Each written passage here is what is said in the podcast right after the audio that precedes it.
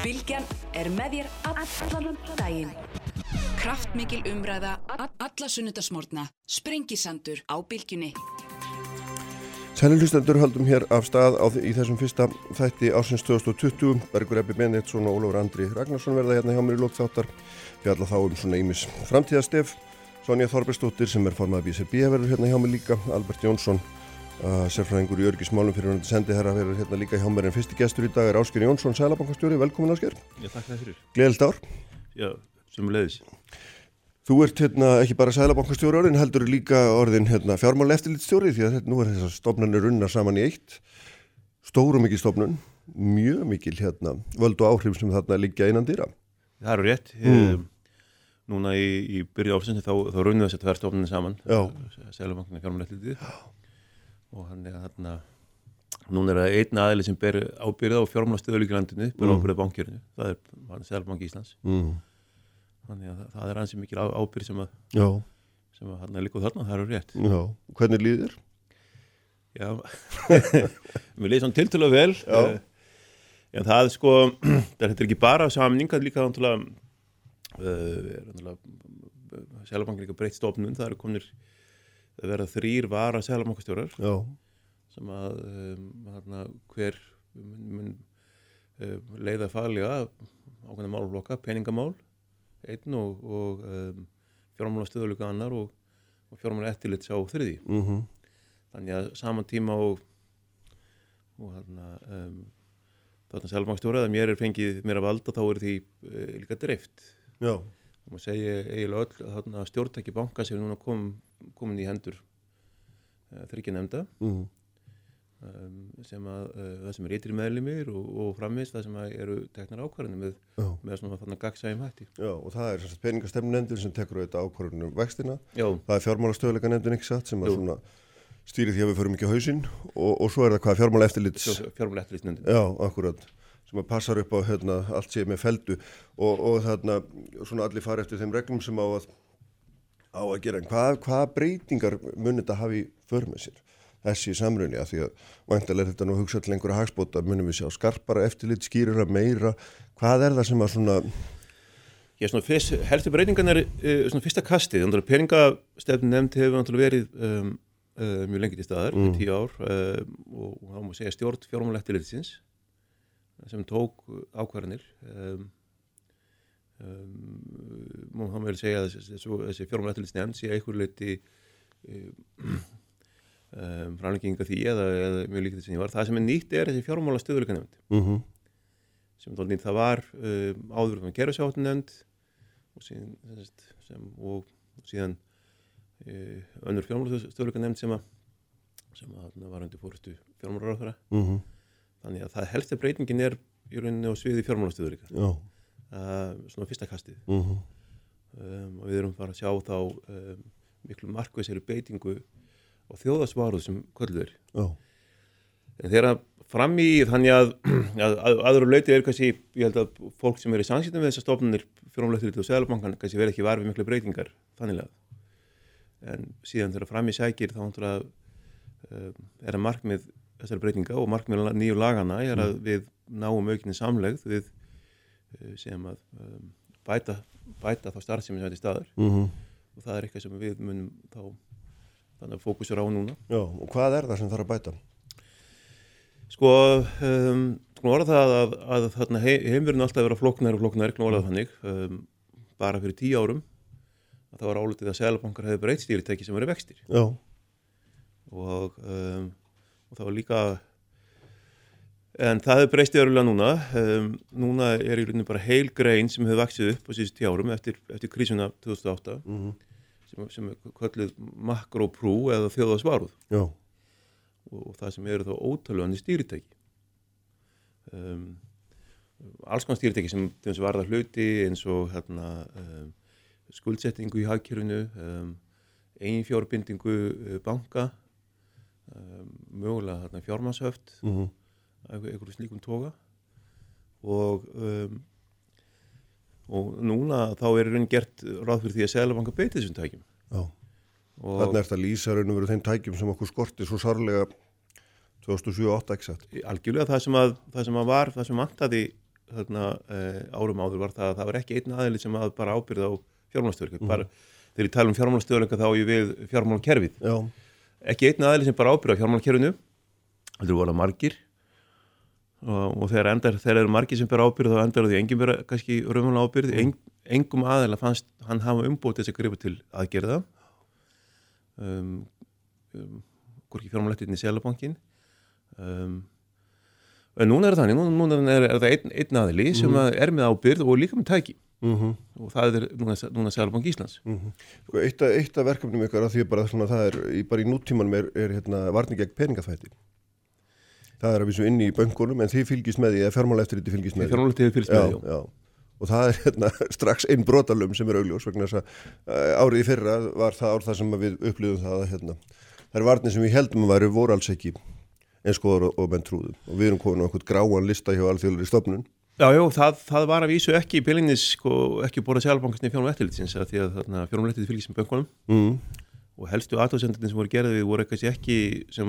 að með mm. sem við að, að þetta er svo kallega FATF nefnd gerði var ekki í beilinnis við bankana heldur var við þarna, aðra aðalis og fastnaðsala lögfræðskristóru og annað fleira. Mm En þeir gerðum samt aðtúasendu við bankana hérna, í, í sko fyrst 2017 og svo aftur 2019 að fjárm, fjárm, það er rétt fjármálættir fylgst mjög vel með böngunum og Já, Nei, en, en, en hins vegar, þetta er, eh, sko, þessum Sælabankin getur fylgst með peningaþvætti við, við höfum til yfirliti yfir þetta fæslu til á landinu. Mhm. og hérna, um, þetta er klárlega eitt af því sem að saminu stofnin getur tekið að sér, að, að fylgjast betur með peningaþvætti mm. og, og, og, geta unnið samílega því. Og það er eitthvað sem við erum að fara að gera, uh, erum að fara að leggja aukna áslá og þetta, þetta er dæmi um sam, samlegar áhrif sem að ný, ný stofnin getur unnið að. Já sem, að, sem að aðskildastofnunni gáttu ekki. Það er svona Já. Uh, og um, það er líka, sko, það sem hefur komið mér einna mest á óvart eftir ég byrjaði að segja ytri aðilar, eins og fréttamenn, hafa mikla, mikið rétt á því að fá gögn, mm -hmm. um, þannig til dæmis, ef, ef við höfum unnið eitthvað gögn um, um penningaþætti og sendaði yfir fjármálætlitið, leiðu það færi út úr húsu sælabankan yfir aðra stofnun, þá voru þetta voru ofnbyrðu gögn sem, að, sem að fréttamenn hefði mátt beðið um og, og það með því að halda þessu innandýra þá er það ekki lengur svo leysið Já, það er þannig, já. finnst þér það betra eða hvað? Já, sko, það þýðir það, nefnum nefna sem dæmi, það þýðir, þýðir, þýðir, þýðir það að við getum þá bara unn, unnið eitthvað frá að, að til lög Já, og, um, og við getum þá unnið þetta innan þarna stofnunar og, og um, unnið það þessu samílega. Það er svona an, ansið mikill munur. já, einmitt. Hérna, við skulum aðeins tala um, um hérna hluti sem eru alltaf hérna svona uh, mikilvægir, það eru, eru vextir og vaxtastig. Já. því hérna þú ákvast og þið í, í hérna í, í stýrvaxtahopnum eða peningastemnendina að halda stýrvaxtarum óbreyttum síðast. Og, hérna, og mörgum fannst nú svona uh, fannst það undarlegt vegna sem henn teldu að hagkerfi þyrfti meira súrefni, það var tími til að lækka, lækka vextin enn frekar og, og hérna, og maður spyr sér svona, uh, hérna, af hverju ekki? Svo við erum að fara inn í samdrátt og Já, sko, það er margar ástu. Fyrstulega bara taka fram, við erum búin að lækka vexti. Já, hefði hafi verið að því, já, já, Já, og þarna við erum búin að taka vexti niður í sögulegt lámar já, já, og, og, um, og Sælabankin var nú mjög fljótur til. Við greipi til að aðgera það strax og, og það var ljóst með samdrætti ferðarnastu jörni strax um, um það leiti sem vá fór á hliðina að þá lækkuðum vexti. Og við erum búin að taka þá til úr niður um, og það sem við viljum sjá núna bara við viljum sjá aðeins hvað gerist að þarna, um, það eru merkjum það að eitthvað leiti hagkerfi við sem að finna viðnám. Og um, eru merkjum það að við sem að taka miklu betur og móti þessu samdrætti ferðarþjónustu mm, sem átti staðheldur en búist við. Og núna eru vestirnir uh, 3% og um, og um, við erum sjá áhrif aðgjörðan koma fram. Um, en eru þau ekki þegar komin fram? þau eru komið fram að einhverju leiti Í markasvöxtum sem fara lækandi og hérna, innláðs útláðsvexti banka fara lækandi, það er allt hagkerfi að sigla bara í kyrstöðum. Ég veit að sjá til. Það sem, að, það sem ég það sem ég vil ekki áherslu á núna og, og fylgjast með núna á næstu mánuðum Já, og það er og, og aftur koma fjármálstöðu líka.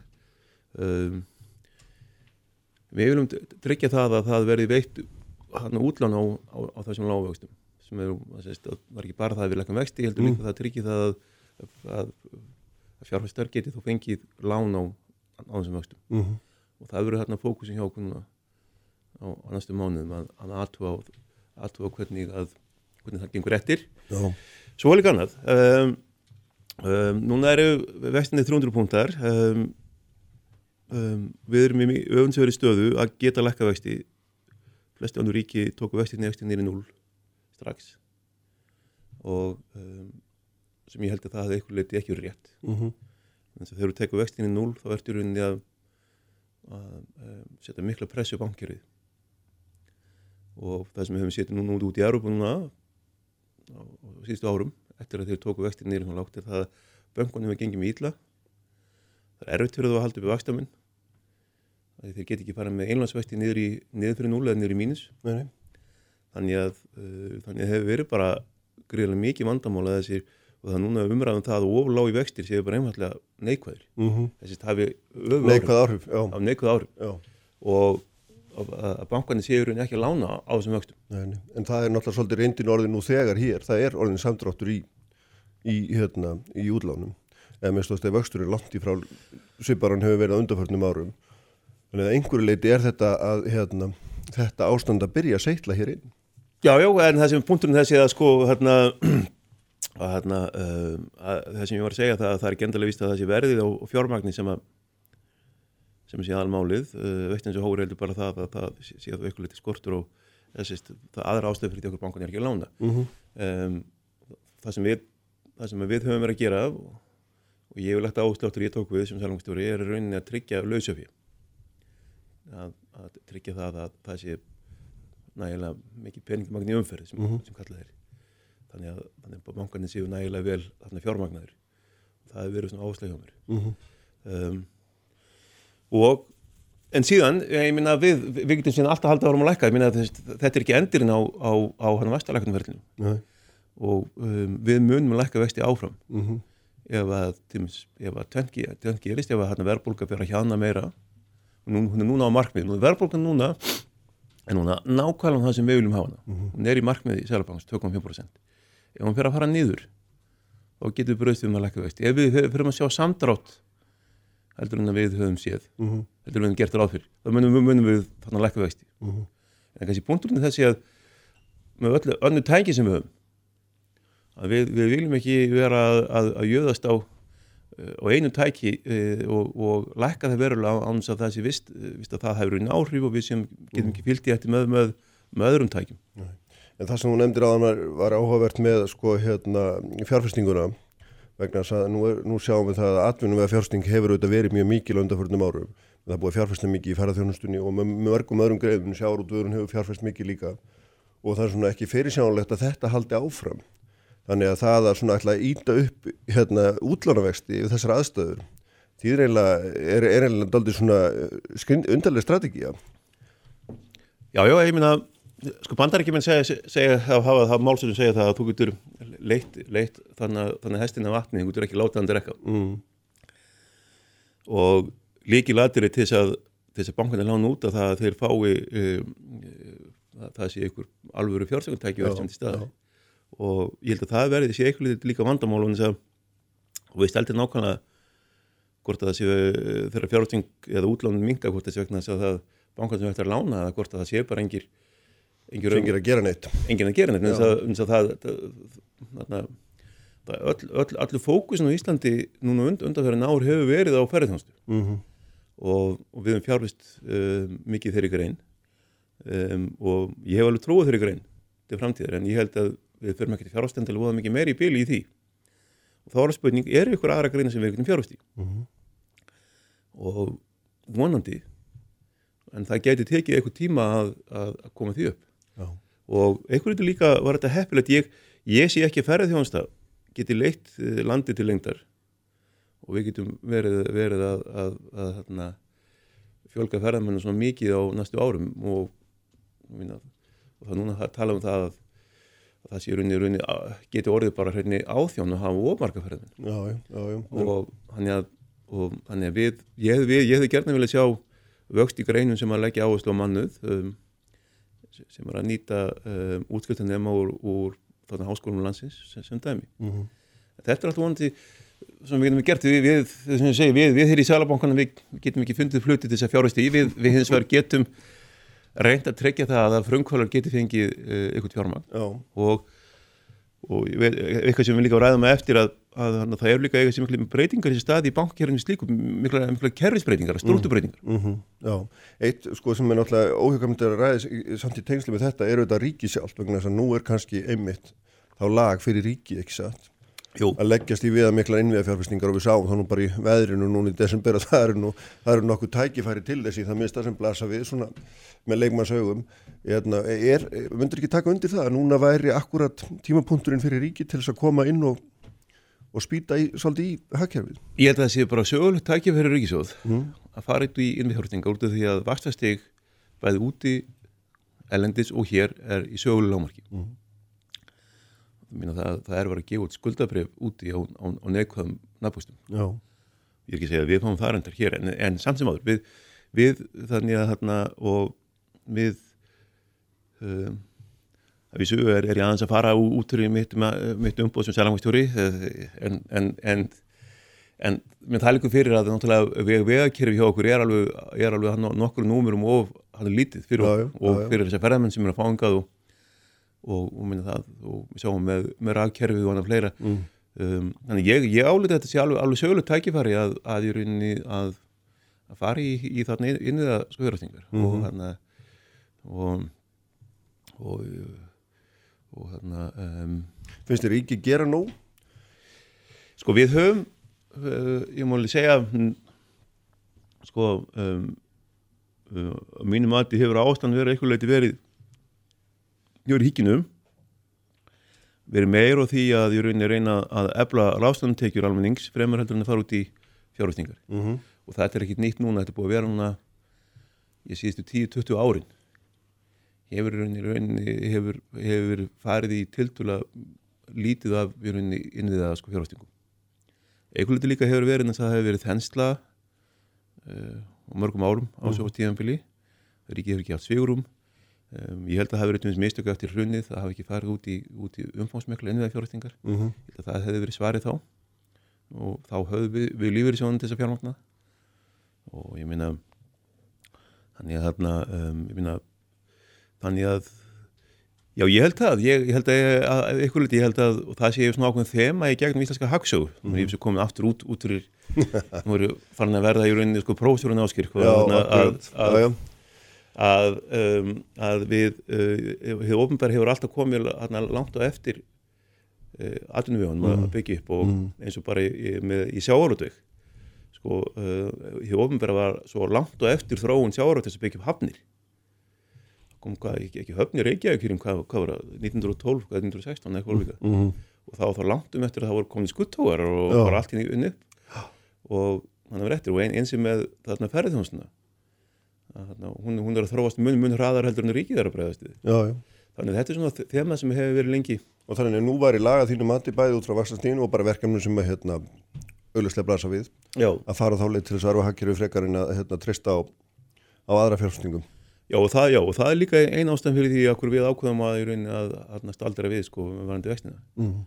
um, og þú líka hafið í huga of lági vextir eru ekki hollir og þú vilt ekki hvetja áram fjárhustingu Og hvar eru mörkin áskil?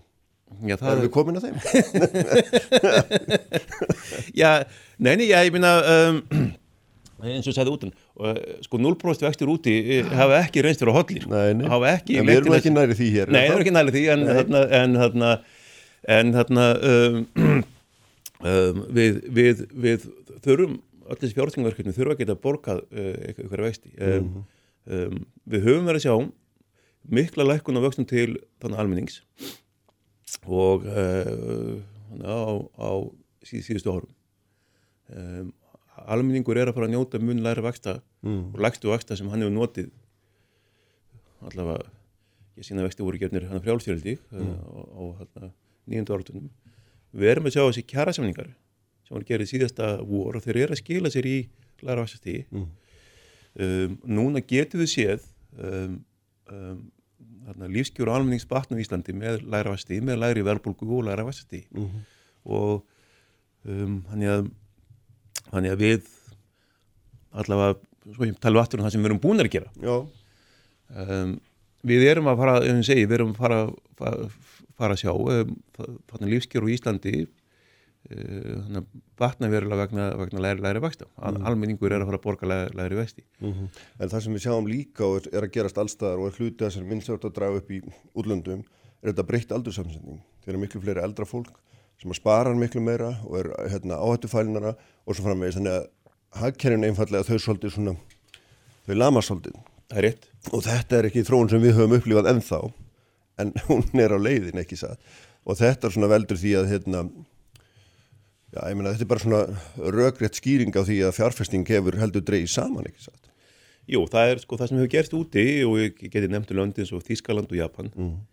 og það er mér sagt í, í Japan að, að bara svo þjóður eiginlega hægt að fjölga sér eiginlega alveg. Og sagt að það séu seldar fleiri sko fullorðansblegur en barnablegur í, í því landi um, eins og við um þjóðverða, færingatíðin hefur lækka verulega. Um, og það leiti þess að um, það breytir svo margt. Þegar þjóðin, þegar vinna, minnum vinnarblöð byrja að draga saman og þjóðin byrja að fækka. Það verður engið þörf fyrir, fyrir ný hús eða innviða fjórastinga og, og, og, og eða þá að, að fyrirtæki þurfa að auka fjárastingu til þess að auka framtíkitna þannig að þessi lönd það er ástæðan fyrir því að þessi lönd búa við svona neikvæða vexti. Mm. eða sitt við svona hann að lága lága vexti. Já.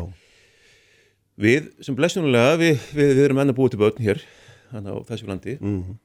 Það er gott og um, við erum áhrifin að sjá um, uh, vinnafli aukast og við erum líka flytjum fólk og minna, við hefum séð mm, sem allir aðrir hafa reynda gert líka sko. já reyndar já. og hérna, við erum að sjá að mannaflan aukast verulega hér mm. hins vegar eru líka að sjá að eftirstyrðiskynnslun hún er á leiðinu eftirlun hún er rauninni bara dætt inn um, og bara núna á næstu árum þannig að við erum að sjá um mikla fjölgun í, hjá uh, eftirlunum þegum á, á, á næstu árum já, já. og þetta er líka fólk sem að munum við áfram vera aktíft í þjóðfélaginu Já, já, en við erum líka að sjá það að, að fólk og fyrirtæki uh, borgar niður skuldir.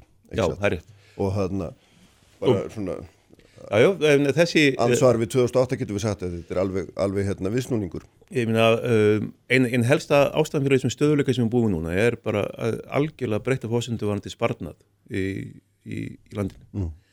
Eh, og það er bæðið þess að fólk ántulega er að leggja mjög mikla peningin í lífyrísöðu það gríðar mikið spartnað sem við fer fram með eh, framlum, skilduframlum í lífyrísöði mm. og síðan líka algjörlega breytt við þóru fyrirtíkjaræstir og, og og, og, í heimilisræstir sko og þessi þjóð uh, hérna, uh, tók sína leksju hérna, verulega 2008 og og hérna, þráttur við við, við, við síðustu við erum búin að vera með, vorum með uppgang í sjálf mm, mm. og við sjáum ekki aukna hérna skuldsetningu. Ekki almennt séð það var ákveðin skuldsetning í ákveðin eins og ferðarþjónustu en, en svona almennt séð yfir heldina höfum við séð flest eh, svona íslensk fyrirtæki í rauninni eh, vera fjármagnum með eigin fyrir mm -hmm. og, og það er, við hefum heldur ekki séð skuldir almenningsvaksa sem hluta allavega landsanvæslu mm -hmm. þó að þannig mísvísind að horfa alltaf á meðaltöl því að þannig að unga fólki skuldar miklu meira já, en eldra og svo framins og þannig að þarna, um, við erum að sjá miklu, miklu heilbyrðara kerfi og, þarna, og þá auðvitað aukinn sparna og það er líka ástæðan fyrir því enga neysla, hún var í kringum já, 60 pluss af landstjárnarslu mm -hmm. og hún kom nýri 50% af landstjárnarslu mm -hmm. og minni enga neysla er minni um, influtningur og minni neysla. Já, minni umsöð og það sem kemur líka fram í, í, í betri um, í, í hægstærið þarna, þarna viðstjöfni eins og núna erum við að sjá að við erum að halda jákvæðum að viðstjöfnið útland mm. þráttur við sem í hálfgjörðu neðsjölu sem er alveg ótrútt, við urðum fyrir skelli í útlandsgrunni okkur sem, helstu útlandsgrunni mm. sem er að ferðast fengum okkur skell og mingun útlandstekna og samt erum við að, við að, við að ná að halda um, ágangi á, á þannig viðstið útland og samt eru við með krónuna til þú stöðu eins og mm. núna verðist vera alveg þokkalegt jafnvægi á hvernig gældur í smarkaði um, við, við höfum ekki verið að, að, að, að eiginlega þarna, þarna gripa inn í, hún hefur verið til tula jafnvægi, séplast aldrei svona á milli daga en, en hún hefur verið jafnvægi uh mhm. -huh. og um, við erum að sjá miklu meiri stöðuleika á öllu hér nú uh -huh. Sko, hérna, því við höfum verið að tala hérna um fjárstingu og, og, og, og hagvöxt og allt þess að það og hérna, vexti og þess að það hérna Sko maður er alltaf, við erum alltaf að tala ekki við tveirinn bara yfir höfuð fólk tala um þetta svona þessum klassísku hagvastarnótum og, og hérna nú erum við að horfa fram á breyta tíma hvað var það lostasmálinn og það er mikil krafa um, um hérna fólk drægjum neyslu og þess þar og hérna nýti betur og kaupi ekki af mikið og allt hvað þetta heitir er og, og hérna kollegiðin í Breitlandi, Mark Carney hefur verið mjög afdráttalauðis í þessum málum og hérna ótrúlega svona uh, hérna ótrúlega skýr af Sæðlabankastjóra vera um það þegar hann segir að hérna ef hann bregðist ekki við loslasvandanum þá sé yfirvofandi hrun á eignamörku og hann hefur sagt þetta margsinni svona í svona eitt ár hefur hann endur tekið hérna, sagt þetta. Og, og greinlegt að honum finnst að hérna, sé hans hlutverk og Sælabankars í, í Breitlandi að hafa hann einhver stefnumarkandi áhrif á. Og náttúrulega þess að spyrja þau um þetta. Hvernig þið líst á þessu orð og, og, hérna, og hefur Sælabanki eitthvað hlutverk á þessu þessu sviði sem að segja sér stærsta verkefni nútímas Já, það er góð spurning. Ég, hérna, sko ég, og síðast af ársundi Alþjóða Gjaldurisjósin sem var í óttúber, mm. núna, þar var mikil umræðan um þetta. Alþjóða Gjaldurisjósin er hann að beita sér, eh, er hann að beita sér mjög, mjög mikið í, í þessu efni og um, ég, kem, ég tel að það kemur alveg ekki að reyna að að Gísla sem hefði gerað það, ég um, sé ekki alveg hvernig við getum beitt stýritækjanum okkar í þess að ná þessum markmiðum. Um, ég veit ekki nákvæmlega hvernig Mark Harni hefur hugsað sér að, að, að beita bankanum í þessu um, mögulega með því, að, með því að minna á þetta á ofnböru vettvangi. En ég minna að það er eitthvað sem kemur Því að halda einhverju svipu við fjármálakerfinu greinlega um það að það fjárfesti ekki í, í hérna svona losandi atvinnuvegum og, og hérna beini fjármagni að, að þeim sem eru þá einhvern veginn úttímalegri hjálpa okkur inn í framtíðina. Ef mér sínist það að vera svona grundvöldurinn en það er bara merkilegt á að skera hann skuli taka sér þess að stöðu, er það ekki? Jú, það, það er það og að því að þannig um, að að það er rétt eins að mér er alltaf kent það ég er lærið hagfræði að að, selangustjóru ætti að vera fókusörur bara á stýrteknin sín og það sem þeir var að gera og, og framvegist mm. og hérna um, en sko það var eftir, sko þetta var eftir að gera ekki genið peningstefnuna en genið fjármárættilit mm. gæti lagt sérstaklega einfjör hvaðir á lán til e, til þarna, fyrirtæki sem væru að e, losa mikið mm -hmm. koldjósið, mm -hmm. þetta er mjög hug og, og þetta er eitthvað sem að okkur getur vel, vel dottið í hug og það hefur umræðan um það í sælabankanum við um kólöfnisjafna okkar starfsemi sem mm. bara stopnum -hmm. og ég held að það kemur alveg vel til grein að, að, og ég, að við gerum það með einhverjum hætti Já. eins og það að leggja fram peninga í að þarna, endur þessi votlendi. Ég, ég sjálfur hef mikið áhuga á því. Endur. Já, en það er náttúrulega alveg ljóst að sko að fjármagnir ræður för í þessu eins og öðru. Ef fjármagnir er sett í þessa gömlu mengandi starfsemi þá, þá heldur hún áfram og, og öfugt auðvitað. Þannig að menn geta kannski eins og nefnir haft einhver áhrif á það með því að leggja einhverja kvaðir á fjármagn. Það hefur gríðarlega mikil uh, þróun í, í svo kallum grænum útgáfum, grænum skuldabröfum uh, úti mm. og um, sem að þarna svíjar voru reynda frumkvölar í en, en þetta er uh, sá markað sem er að vaksa að hraðast úti útgáfa á græn skuldabröfum þess að það er búið skilgreina ekki bara umhverfis viðmið heldur líka ákveðin þarna síðferðslega viðmið hjá þarna fyrirtækjum mm -hmm. og ég raunin að það sé raunin miklu möguleika fyrir, fyrir okkur hér á Íslandi að gefa út slík bref elendis mm. eins og fyrir, fyrir um, orkufyrirtækjum okkar og þannig að áherslan er öll í þessi átt. Og, um, og um, við náttúrulega, ég minna við, við eitthvað leiti stundu vel og ég hér, við erum náttúrulega með græna orku, við allavega ekki orku sem losar hérna koldíosíð mm -hmm. og þannig að, þannig að þetta er alveg áherslan sem að, ég, sem að við, sem ég er alveg hérna hugnast og, og hérna en eins og segi þarna þá ákveð, ákveðum breytingu því hvernig, hvernig, hvernig selafangstjóra með að tala ég, þarna, þarna, mað, maður reynir alltaf að, að gæta að, að pólitísku hlutleysi sko. Já, já, einmitt og hérna, það má heldur ekki vera þannig eins og var á tímabili að selafangstjóri mátti ekki opna munnin sko. það má ekki það má ekki fara í það áttina heldur Nei, sko, það hefur orðið, orðið ákveðum breyting sko, að því að um, að því hérna áður fyrr á árunum, þá voru selafangastofnunir sem voru svona, eh, svona hjúpaðar ákveðum lendardómi mm. sko. Og selangustjórar voru ekki að tjá sig öndilegum hluti. Og hann og hann held að það hefur verið breski selangustjórin hann Montague sem nú ákveðin bara um, stofnun hann á fyrirlutu tjóðsvöld hann Mm. sagði að aldrei afsaka þig, aldrei útskýra sem, sem, sem hann, hann selmangstjóri en það voruð algjör breytingu því. Núna um, peningastefna núna eins og, eins og verðbökumarkmið það byggir á, á gagsægi og það byggir á gagsægi að, að við útskýrum hvað við erum að gera að við látum almenning fylgjast með hvað við erum að gera. Um, ákvarðantakan hjá okkur beitingu stýritækina á að vera uh, gagsægi og við getum þarna, reikningsskil gáðið almenning í landinu. Mhm. og þannig ég um, hef ákveðin skildur sem selangastjóri að geta náttúrulega að tala við, við markaðinn sem kallaður er en, en líka að tala við almenning mm. og hérna, um, almenningu skilji hvað við erum að gera, almenningu sé uh, hérna, sé rauninni þáttangi, þáttakandi í, í peningastefni Já, og, og þannig að og það er eitthvað sem ég hef um, langur til að gera að, að að það verði meira gagsæði kringu Sælabankan um, og í, í þeim átökum sem að sem ég eitthvað leiti fjekka erðum en mm. Að þá hef ég lagt áherslu það að við byrtum bara gögn já, og við, það er það sem ég hef gert mm. eins og í samverjumálinu já. það bara kom ég eh, öllum gögnum á framfæri sem skipta máli Mm -hmm. þannig að það verður ljóst að við verðum ekki félagneitt og síðan í framhaldi þá verðum við að finna leiði þess að ná til almennings eins og á samfélagsmiðlum svo, svo að það svo veitum ég hvað maður að gera ég, ég er með þarna Facebooka síðu Mm.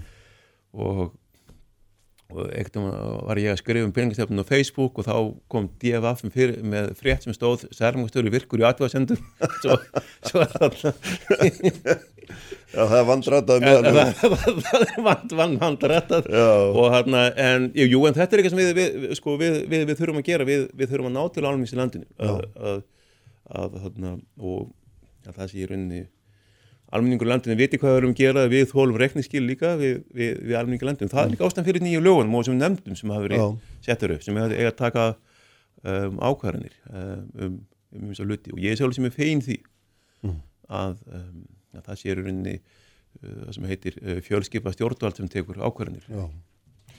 Herðu, vil hérna, komast ekki lengri í dag? Langt og ídalit spjall. Takk fyrir kærlega kominarskir og hérna, gaman að fá þig og, hérna, við tölum saman fljóðlega aftur, trú ég. Uh, Albert Jónsson verður hérna hjá mér eftir augnablík. Uppspretta frétta á Sprengisandi á Bylgjunni. Bylgjunni. Sælir hlustendur, uh, aftur haldum áfram hér á Sprengisandunum þeir verða hérna hjá mér eftir Bergur Ebbi Benditsson og Ólafur Andri Ragnarsson þá ætlum við nú að fjallum framtíðina eins og óræðu hún er þeir hafa báður verið að pæla mikið í henni og spekuleira. Sonja Þorbergsdóttir formaði BCB verður hérna líka. En Albert Jónsson er sestur hérna hjá mér sælublesaður Albert. Fyrirvændi sendi er hann líka sérfræðingur í auðvitað allþjóða stjórnmálum og öryggismálum og, og sem slíkur hérna núna.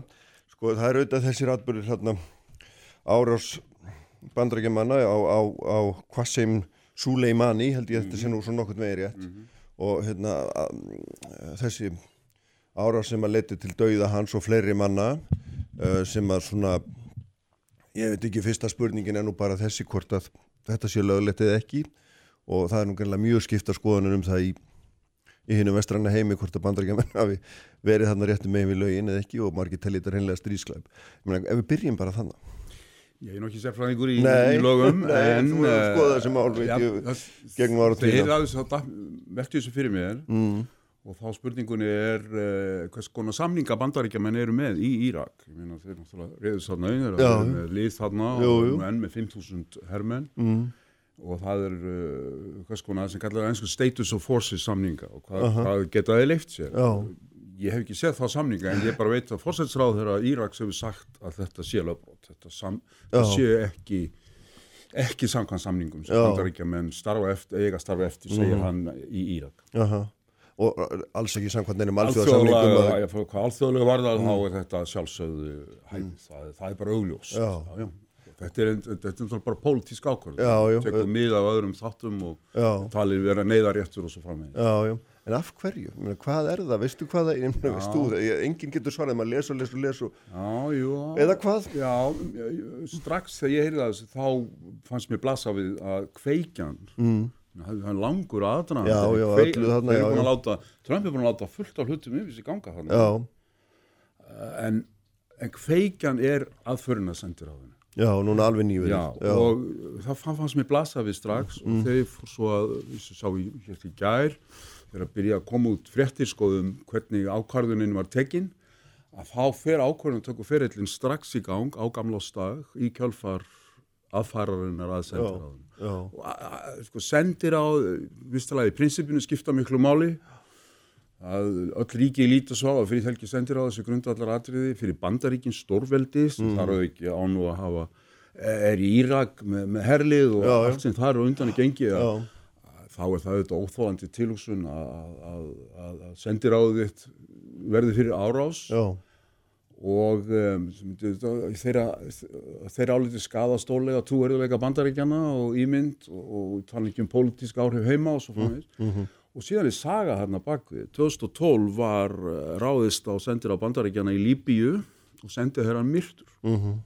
Og þetta var auðvitað mikill álitsnekkir fyrir þáverandi stjórnum bandaríkjana Hillary Clinton var það utanriksráðura sem síðar átt eftir að berjast til Donald Trump um fórsetembættu og auðvitað notaði hann þetta mál. Já, og republikana dansuði á þessu sjálfsögðu. Já, en uh, síðan förum lengra aftur í söguna 1979 þá ræðist múur og sendir á bandarækjan í Teheran já, og hert tekur það og tekur 52 diplomata bandaríska í gíslingu og af hverju eru 52 skotmörk? Já, já, akkurat núna, bandaríkjahósið, það er sama tala já, já, og di diplomatarnir voru 79, 52 já, og Þannig að- þetta vísa í, Já, í þetta tweet sem hann, eða tvist, Já. tíst sem hann sendir í, í nótt einhver tíman okkar tíma um að hérna, þeir skuli hafa sér hæga því þeir séu með 52 skotmörk á og, radarnum. og talan 52, hún kemur svona til að hans sögn. Já, En þetta er kveikjan, þetta er að baki þarna stefna sem að er almennt kallað á íslensku fælingarstefna, þetta er törrens og að reyna að halda aftur á andstæðingnum með hótunum og hótanirna verður að vera trúverðugar og svo framvegis, en trúverðuleikin er á endanum komin undir móttakandanum sem í þessu tilvík eru Íranar, þannig að það eru þetta óvissu þáttur núna, hvað gera þeir? Já, og, um, og hvað geta menn- þeir gert? já, ég veit að en svo þegar menn hérna byrja að pæli þessu, þá sem þeir gera eitthvað, en þá er óvissu þátturinn hvað gera bandarækjum en þá, skilur Já. Það því að þú ert aftur að koma Já, þá í já. þennan sama trúveruleika, Já, já, já, þetta já. sama stigmögnun leiðir Já. til stigmögnunar, alveg rétt. Hins vegar, um, hvað bandarækjumenn varðar, þá hafa þeir auðvitað mjög marga, marga kosti, bara í, í, í, í, í krafti sinnar, uh, sinna hernaðilegu yfirburða og líka og ekki síst í krafti þeirrar herrtækni sem þeir ráða yfir. Eins og þessna, þessi dróni sem þeir nota til þess að ráða þennan manna á dögum. Og um, þannig að þeir hafa möguleika á að, að, að bregðast við því sem Íranar kunna að gera og við vitum ekki hvað verður. Me- með eh, mikill segja nákvæmni við geta uh, valið sér skotmörk og uh, þeir eru með mjög nákvæm vopn, nákvæmar stýriflögar, þeir eru með sprengjur sem fljúa eftir leysigeislum og, og, og svo framvegis. Og síðan eru í síauknu mæli með dróna sem þýðir það að, að þeir geta lagt í aðgerðir án þess að hætta lífi eigin manna, þannig að þeir hafa mjög margar opsjónir, en hvaða kosti Íranar hafa það, eh, menn segja, já þeir munu gera bregðast við með einhverjum aðgerðum til að skafa bandaríkin band, um, með staðgenglum eins og sagt, proxy sko, Já, er, já, frekar þeir sjálfur, það er óhættulegt. Þetta er bara, bara getgátur, ég vil ekki spekulera Nei, mikið, en hins vegar held ég að, að- Íranar hafa ekki burðir til að bregðast við með þeim hætti að það kalli á að að Bandaríkin sendi 10.000 eða 100.000 hermanna til mjöðstöðan, það það er ekki það sem Trump ætla sér ekki. nei, en alltaf að því maður sér það meðfram þessari umræðu sem við erum í þá, þá hérna, uh, er það orðið ljóst að sko mest googlaða orðið á, í heiminum er hérna, þriðja heimstyrjöldin og held ég sko við hliðin á Frans Ferdinand, ekki Já, hertog já, ég sé. Sarajevo, hefur Já. komið upp, já, Já, sem að, hérna, hérna, sem en- að var myrstur. Já, hann var myrtur og það var já. já, það var orsök hérna Fyrri heimsstyrjaldar, fyrir já. heimstyrjaldar eins og við köllum og, og sumum kalla fyrstu en hérna þannig að þarna, maður sér það svona ótti en sko, þú nefnir hérna líka þetta sem er svo áhugavert að Íranir muni vantilega ekki valda bandaríkjumunum beinu tjóneldu munið fari einhverja bandamenn Já, þeirra það er einn framvegis. möguleiki sem við erum að tala um. Ég held að- Aðalega til þess sem ég er að benda á, ég held að Íranar hafi ekki getu til þess að bregðast með þeim hætti sem myndi kalla á eins og ég sagði, viðbröð bandaríkjamanni höfður tíu þúsunda hermanni eða hund, eh, við erum ekki að horfa fram hann í persaflóa stríði eða ég, mér finnst það afar ólíklegt og síðan er þetta má ekki gleyma því að, að, að Íran á í miklum erfileikum. Já, en er ekki grunnstefna Trump að hætta þessum Jú. kjánalegu stríðum og fara Jú. tilbaka og þess vegna er þetta svona já, já, En gengur það ekki þvert á það, eða hvað? Já, já, klemman fyrir hann er auðvitað svo að nú hefur hann sett í ganga atbyrðar á sem kann að leiða til þess að hann þarf að hann er nú þegar búin að senda 3000 hermenni við Já, bótt og svo framvegis. já, En eins og ég segi, ég, ég finnst afar ólíklegt að við sem horfa fram hann í möguleikana á, á stórfeldum átökum á landi. Það er bara, Trump ætlar að verða bandarækja fórseti áfram og Mm. Já, hann, það bara, það kemur ekki til greina slíkt. Hann er búin að lofa því. Hann stendur það er eitt, hann segir, ég er óvinnilegi fórseti, ég stendur, ég lofa því. en hérna er það En auðvitað er, ég er, vil eins og ég segi, maður var að passa sig að spekulera ekki á mikið, ég vil ekki segja á mikið sem síðan kemur í ljósveitni í dag að er eitthvað villist sko. En ég held ekki. Nei, akkurat, en sko það sem er náttúrulega líka vekur aðtekli í þessu er að hérna, hvað Evrópubúarnir, ná, hérna, Evrópumenn, nánustu bandaríkjum, bandamenn bandaríkjana að minnstu hóst í svona sögulega séð eru varkárir og raun og veru tortrygnir meðan að aðrir svona eins og Sáti-Arabinir og þessi sem eru sko, bestu vinnir aðal í augnablíkinu eru fagnar þessu og það er svona og, og svona ef maður horfir á ef maður horfir á hvernig einhvern veginn Trump er að reyna svona sá fræjum tortrygni innan Európa-sambandsins, íta breytum, taka þátt í íta breytum út og svona, ég, ég veit ekki, hvað er að segja þarna í grunninn sko? Já, forleikurinn auðvitað sá að það er uh, algjör skoðan ágreiningur milli bandaríkjana og evrópusku uh, bandamannana og ESB varðandi kjarnokkursamkólaðið í Íran sem já. lappa frá. Já, og Evrópuríkin þar á meðal Bretland sem nefndi Bretana vildu halda í. Já, já, og ég vissum það að ef að nú kemur til þess að, að, að það verða einhvers konar átök milli Írana og bandaríkjamanna og getur sagt hvað, sé næstu vikur, já, við lengur ég, eins og ég segi, vil ekki spekulera. Nei, nei, að, að það mun hafa slæm áhrif á samskipti bandaríkjana og Evrópu. En hafandi sagt það, þá mun í fyrsta lagi komið ljós að sum Evrópuríkin í NATO, ég nú að tala um bandamennina í NATO, uh, þau mun uh, svona, hafa tilhengu til að halla sér að skoðum bandaríkjamanna. Þetta eru aðeins sérstaklega eins og pólverjar, mm -hmm. tjekkar, Eistarstadsríkin jável, sem að leggja meira upp á NATO og þáttöku bandaríkjana í Evrópu heldur en aðri kannski. Og um, ekki þunga þetta ríkina þetta og sann. Nei, en þungavíktaríkin í NATO, Frakland, Þískaland, þau vita það að bandaríkin skipta þá miklu meira máli heldur en þeir bandaríkin. Mm.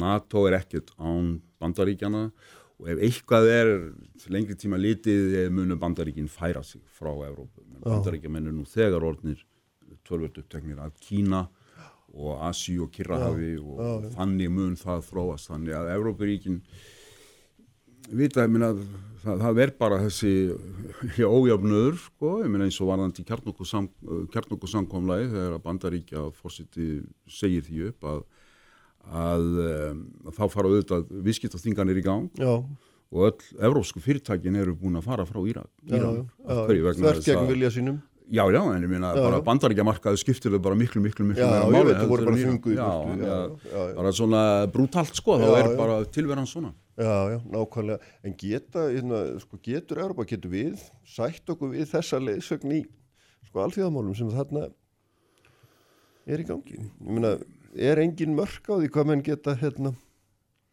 lagslátt?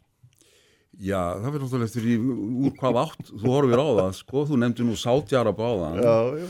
Sko Sáttjarabar eru hrættari við Íran heldur en nokkuð annað, sko, og sama á við mörg önnur ríki í miðausturlöndum, sérstaklega til að súna ríkin, minna bara Íran er, er Ísrael, hafa menn tekið eftir því, það er eiginlega ekki minnst lengur á deilur Ísraels og Palestinum, Nei, nei. þær eru algjörlega komnar á hliðalínuna, Já. sunnar, sítar, Íran versus hinnir, það Já, eru stóru málin Já, í já.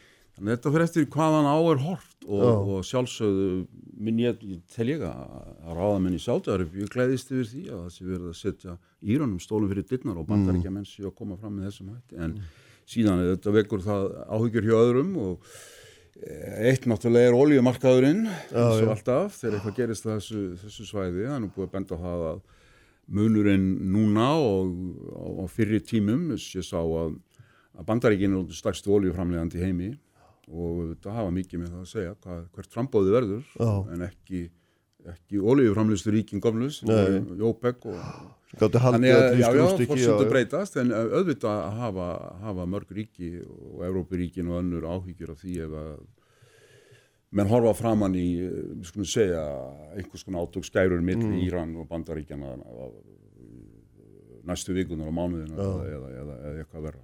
Sko það sem er náttúrulega svona er áhört að tengja aðeins inn í þetta er hérna, eilít, eða mál sem er allavega eilít núna okkur samtíma er, er Sýrland.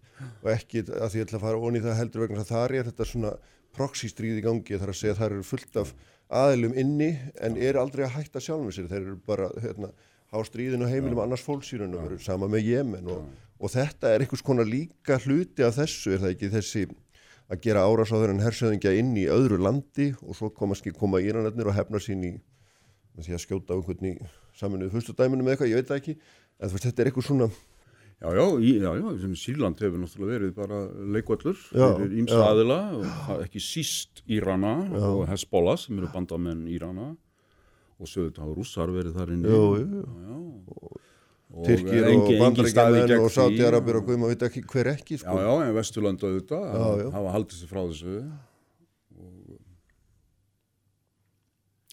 þannig að þetta er flókið leiksvið þarna, Já. það hefur alltaf verið. En sko hérna grundallar spurningi sem hann spyrja sig sko núna er auðvitað þessi er, er þessi árast til mark sem eitthvað?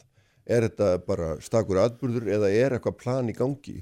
Og, og þarna og hvert í döðinu skildi það þá vera? Því að menn hafa ekki reynd trömpa því að hafa svona mikla svona langtíma stefnu í Nei. utanríkismálum. Já, já, hann verður, hann er sko, dóttir sérstættið þetta er það að þessi stefna hans og kostningólófarið um það að fara með bandaríkinn frá miðausturlöndum, hætta þáttöku í endalösum styrjöldum og hætta eða triljón dólarum og, allt þetta.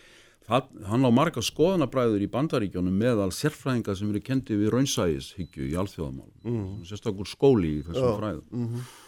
En uh, um leið og þeir eh, eru hlindir þeirri stefna þá gaggrina er mjög, ég sé það bara í dag og í gær og, og í fyrir þetta gaggrina mjög fyrir þetta, þessa ákvörðun. Já. og segja bara, hann er verið náttúrulega að skjóta haglabissu, skjóta hérna, mús með, með fattbissu og eh, Íran skiptir bara, þið, tala svona, þessi, Íran skiptir ekki svona miklu máli fyrir þjóðaröryggi bandarækjana, nei, það er ekki þessi virði. nei Þannig að, þetta er svona uh, sérstakur ángi á þessu öllu saman að, að, að hann stiður sér annars við þennan skóla en þeir eru líka að, hann. Ég held að þetta er eins og oft uh, í uh, sögunni og í alþjóðamálunum það er, er skamtíma markmið sem ræður ferðinni akkurat þessa dagana. Það er að stöðva Írana og eins og ég sagði kveikjan var sendir á þig. Það er verið að koma, reyna að koma í gang sem sem kallaði fælingarstefnu gagvart Íran halda aftur að þeim. Þeir hafa nýga núna leik og það eftir að koma í ljós hvernig það gengur. Já, en svona eh, merkilegt líka sko í þessu sammingi er, er hérna er, er, er Norðurkóriða það er annað ríki sem að með nákvæmlega eh, með sömur ökum þú sagðir áðan þetta er ekki svona mikilvægt samt er einhverju ólega leiðtóa fundir og, og hérna, maður skilur ekkit af hverju er svona mikið viðhaft við Já. þetta og, og sama með Íran eins og nefnir nákvæmlega og hérna og sérstaklega maður hugsa um það með, með Íran að það er þetta sam, samkomulega um að þeir hætti framlýslu kjarnurvopna eða, eða láti það eiga sig mm -hmm. það er stutt af öllum það er stutt af saminuðu þóðunum og Europasambandinu og öllum sem og bandaríkjumar sjálfum náttúrulega sínum tíma og, og það virkt, ég skil ekki betur en að það hafa bara virkað nokkuð vel þetta samkomulega þannig að þetta er svona Já, já, margir Af hafa gaggrínt Trump sko? harkalega fyrir að segja, segja við, af ekki það þar með að samkomulega hefði verið einhver trygging fyrir einhverju Nei, og nei, menn nei, segja áfram við, við vildum alveg hvernig stjórnaldið er í Íran og að þeir eru búin að marg segja ósatt og allt það Mm. Já. en þetta var það skásta sem var, var í stöðunni og það mér segja, hersöðingar í Ísrael hafa verið á þeirri skoðun Já. sko. en Trump segir uh, við uh, gefum þeim tíu ár lámark til þess að gera allt sem þeim sýnist við látum það fá fullt af peningum og við höfum, fáum engar tryggingar Aha. svona samningu, sagði hann er ekki góður samningur Aha. og sumir auðvitað segja, já, náttúrulega verður að, að taka undir það en, en, en þetta var það skásta sem fengu en að því þú nefndi Norður Kóru sko, hann tóra grundvallar munum, Norður Kóru á kjarnáku Já, já, einmitt. og það veit sá sem stjórna Norður Kóru en er hann ekki svo vitlis að, að láta þau að hendi fyrir henni fullan hefan ef ég, ég held að hann muni aldrei gera það. Nei, akkurat. En ég, já, já, einmitt, en þetta er svona, hérna, þetta er svona mikill óvissu, óvissu faktor allt saman. Að maður skilur ekki eins og hún nefnir sérstaklega, sko, hérna, langa að ítrykka við það, sko, að hérna, hvað er það sem gerir Íran, sko, svona, hvers vegna er það allt í nú höfuð anstæðingur? Er er það út af þessari innráð sem sendir á því 79 og áframhaldandi erjum síðan þá eða, eða eru þeir svona óbáslega stórir og mikli að því nú er þetta ríki sem hefur kannski svona ekki verið framalega sjálfur sér. Nei, nei, ég meina, raunsægi sinnarnir í bandaríkjónum segja þetta eins og ég nefndi en ég meina, Íran hefur náttúrulega eftir 79 öll þessi ár verið andstæðingur bandaríkjana í miðausturlöndum og reyndi að gera þeim margt til óleiks, það, það líkur bara fyrir og bandaríkjaman taka á því að sjálfsögðu sem stórveldi sem þeir eru og síðan eh, eins og við nefndum á hann er eh, þessi, þessi átaka öksull í miðausturlöndum millir síta og súna og svo blandast inn í það fullt af öðrum þáttum og ég er nú,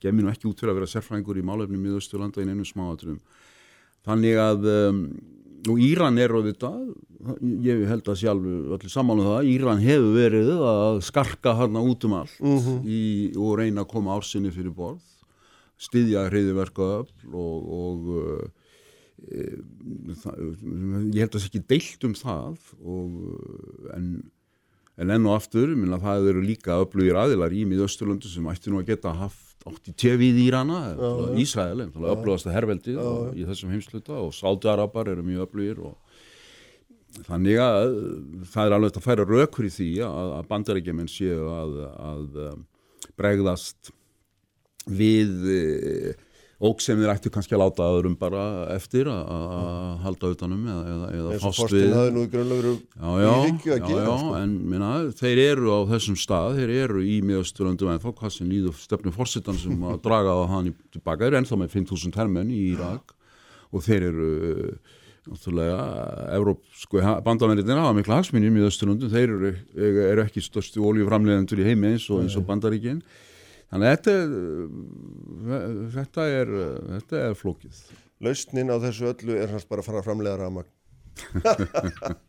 Heyri, Albert, takk fyrir að koma. Þetta var hérna bæði frólitt skemmtilegt. Sonja Þorbjörnsdóttir sem er formað BSRB verður hérna hjá mér eftir augnablík og svo Bergur Ebbi og, og uh, Ólafur Andri Ragnarsson sem ætla að fjalla um framtíðan hérna í lokþáttar Sprengisandur á bylgjunni. Sprengisandur á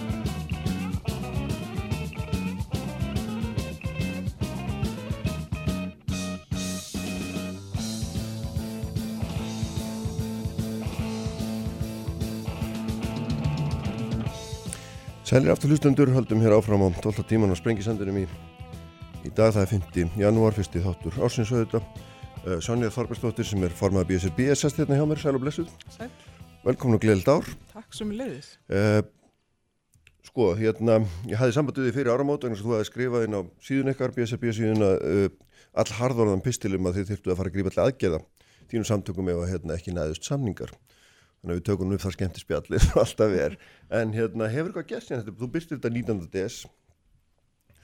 Hefur eitthvað gerst, er, er, hver er tónin í dag?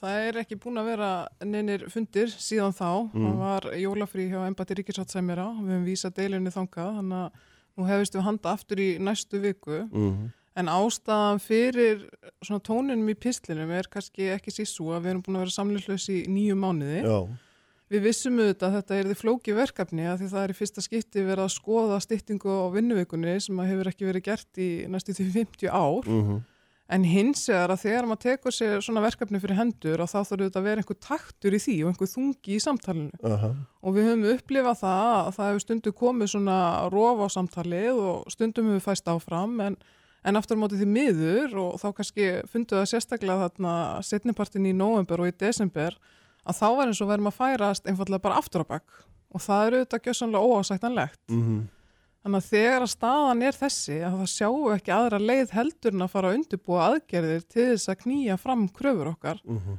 því að við munum ekki ganga frá kjærasamninsborði nema við styttum vinnuvikuna og náum okkar markmiðum. já.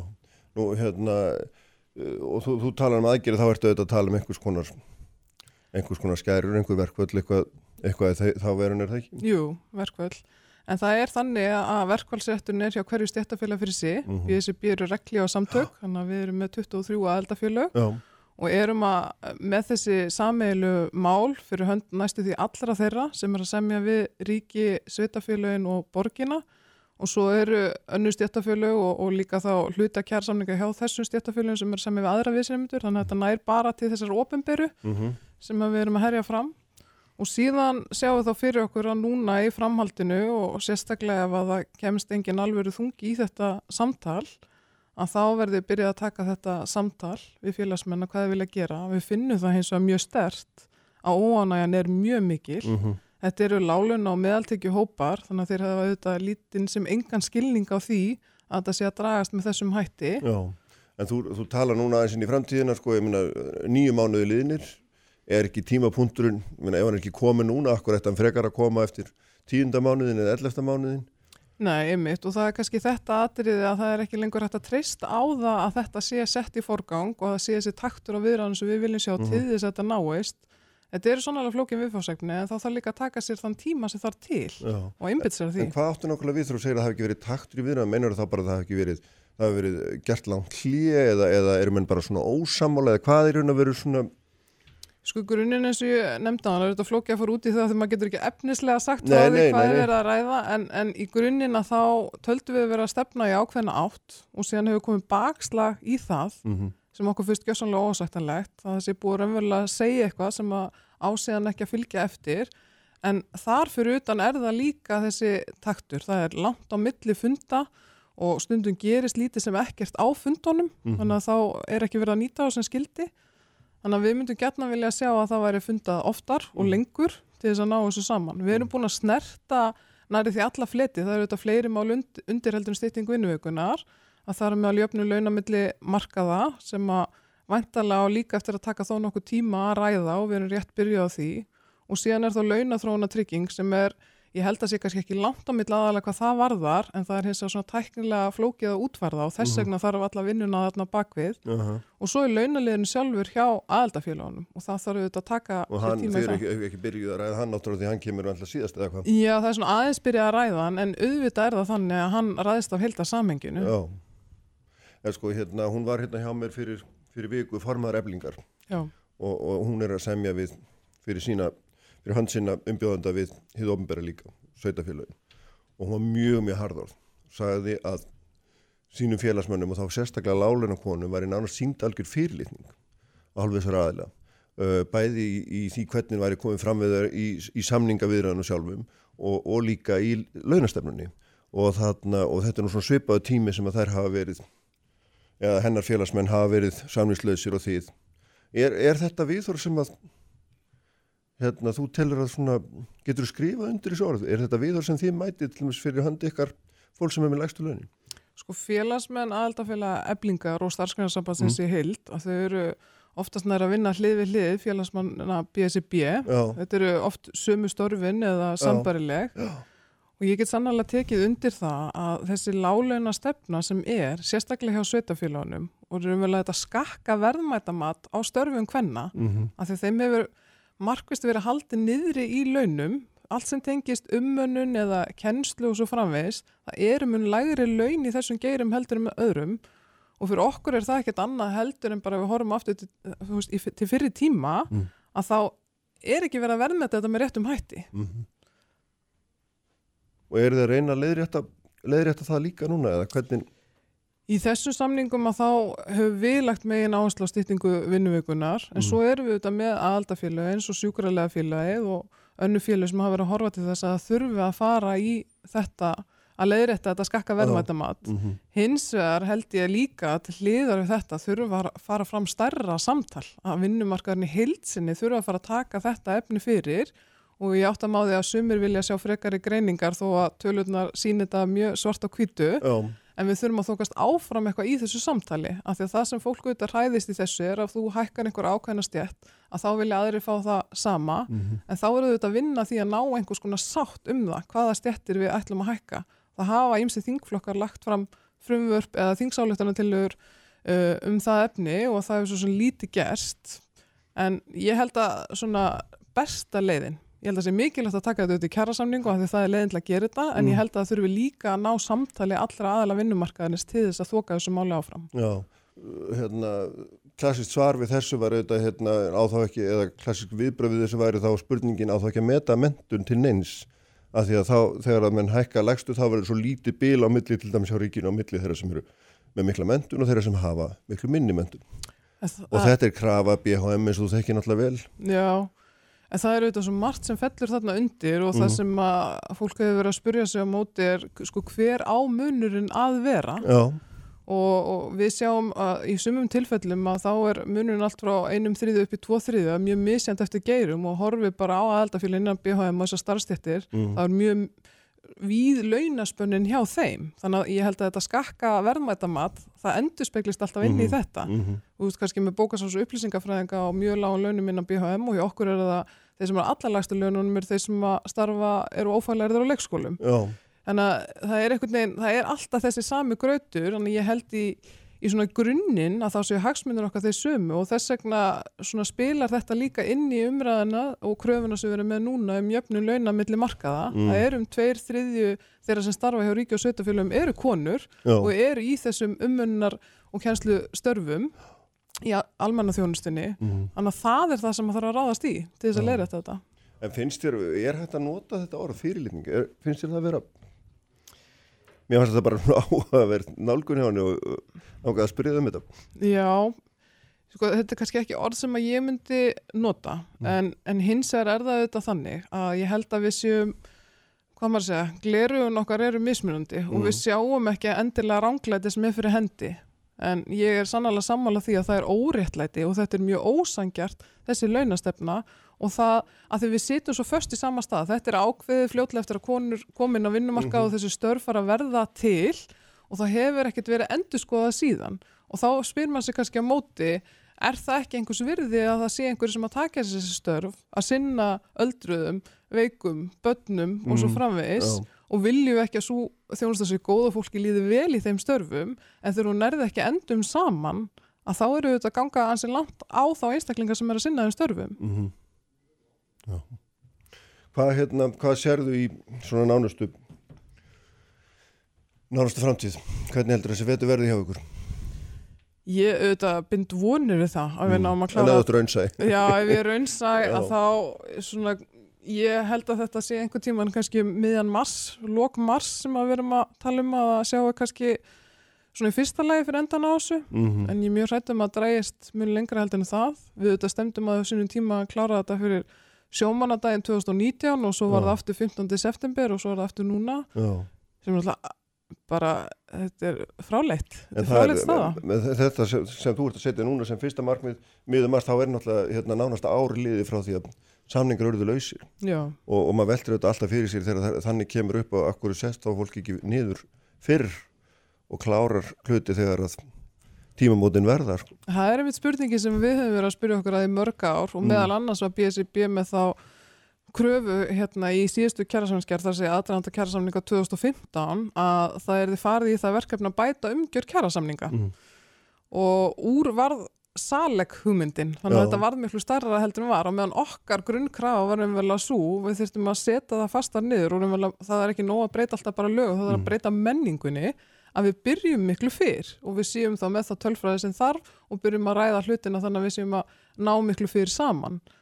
En það þarf klárlega að fara í það verkefni til þess að tryggja það því þetta gengur ekki svona. En, en það er náttúrulega líka sama með almanna vinnumarkaðin að ofinbyrði vinnumarkaðurinn kemur alltaf rétt á eftir honum kjærasamningur lausir af því að og það hafa verið þrýr mánuður þá á milli e, loka gildistíma sem að menna að talið að væri nægilegt og er Já. ljóst að er ekki. En svo er líka spurningin hvernig við viljum hafa þetta í framtíðinni. Eiga allir kjærasamningar að vera lausir á sama tíma kannski sérstaklega í tengslu við samtal við stjórnvöld í kringu þær kröfur sem að þau geta þá hérna fyllt eftir til þess að liðka fyrir gerð kjærasamninga Já. En það er auðvitað þetta svona eilíðar og vandamlegna sem svo er oft hérna samið um það hefur maður tekið eftir að aðilar eru sammálum að setjast yfir A og B og C og hérna útkljáð það eitthvað meina svona í samtölu sína milli og svo tveimur ára síðar þegar kemur verið samningaborðinu þá áttum að að svo vinna hún hefur eitthvað meina aldrei farið fram eða aldrei náðust niðurstaði hana? Nei, ég hef persónulega bara enga trú á bókunum. Ég hef aldrei séð unnið almennilega eftir þeim Nei. og ég hef verið í ymsum starfsópum sem hafa þá byrjað á grundvelli bókana en þeir hafa ekki náð niðurstöðu. Mm. Þannig að það eru þetta mjög miður og segir ímislegt um þessi vinnubröð sem eru við höfð. En, en það eru þetta líka þannig að, að það þarf tvo til. Já, nákvæmlega. Og núna þarf hérna þínum að þetta greinlega hýðopnbera eða, eða þá hérna ríki og sveitafélagin að koma taktfastar og ákveðnar að borðinu svo að hérna hægt sé að ljúka þessu. Sterkasta vopnið okkar hefur í gegnum árinu þetta verið samstæðan. Mm. Það er alveg ljóst hvert við stefnum sem bandalag og, og það er meiri sér þannig að einmitt eins og ebling og starfsgrænarsambandið og, og BHM og, og félag íslenskar hjúkunarfræðinga að við erum mjög samtaka í okkar nálgun, sérstaklega varandi stýttingu vinnuveikunar. Þannig að ég sé það ekki fyrir mér að nokkur muni láta undan fyrir en að markmiðanum er náð. Mm En hvað, hvað viltu gefa langan tíma áður en að svona áður en að þú fyrir að blása í einhverja herlúra? Ég, Er það þá miður mars eða hvað? Nei, alls ekki. Ég Nei. sé fyrir mér að við byrjum að taka þetta samtalin í baklandi bara strax í, í næstu viku. Mhm. Það eru flestir að koma, eða verða allir komnir aftur þá og eins og ég segi þetta eru, þetta eru ég meina aðaldafélag bjössi byrju 23 og í heldina er þetta um 23.000 manns, það er Mhm. ekki, þetta næ- myndi ekki ná til allra en þetta er samtal sem tekur tíma Já, en ég mun bara vilja hefja það í næstu viku. já. Það er ljómandi gott. Þá veitum við það. Já. Takk fyrir að koma svona og upplýsa, upplýsa okkur um, um allt þetta og ég ætla að tala hérna aðeins um framtíðin og eftir við þá Bergabba Benditsson og Ólaf Andra Ragnarsson. Fréttir þjóðmál og pólitík. Sprengisandur á bylgjunni. Sprengisandur. Alla sunnudaga á bylgjunni. Sæli hlustendur, uh, Sonja Þorbergsdóttir fannin frá mér um, eftir spjallum stöðuna í kjæramálum og við höfum bandala starfsmanna Ríkis og Bæja, BSB og svo sem hægt að segja að það getur nú gert eitt og annað. En hérna nógum það, nú ætlum ég að skoða aðeins fram í framtíðina með tveimum góðum gestum, hérna eru Ólafur Andri Ragnarsson og Bergur Ebbi Benditsson, framtíðafræðinga báðir miklir, getur maður sagt. Velkomnir, Ná, takk, takk fyrir. Gleðilt ár. Sömulegis Sko, hérna, þeir eru nú báðir nýbúinir að gefa út bók, uh, já, báðir nýbúinir að gefa út bók um, hérna, sem að fjalla svona einhverju leiti um framtíðina og, og hérna, þú ert, hérna, Ólafur Andri með að fjalla um fjóruðu innbyltinguna og, og Bergur Ebbi er að fjalla um samspil manns og tekní, getur við ekki svona til þess að summera nú heila bók upp í tvö orð, hérna, eins ósangjart að það kann nú að vera, en hérna, svona með áramótin þá er svona gaman að skoða hluti og horfa tilbaka, mér langar aðeins að svona fá eitthvað til þess að horfa með mig fram í tíma, þess að ég einhvern veginn Ég lít þannig á þessi við sér lífum á svona tímum þar sem getum hlutinni geta að fara í allar áttir. Við erum með þessar gríðalegu teknibreitingar, við erum líka með þessi lofslagsmál sem að hérna, sumpart eru hérna, krafa um samdrátt og, og, og þess áttar og hérna meðan að svona hagkerfu okkar er knúið áfram alltaf að framlega meira og meira og teknibreitingarnar horfa ju allar í þá áttina að gera störfin einfaldari og öðvildari og búa alltaf til meira og meira. Og hérna, svo allir ekki segja meira í bili. En hva, hvernig er því svona, ef við horfum aðeins yfir þetta svið ef þú byrjar hérna, Ólaður Andri hvað, hvað svona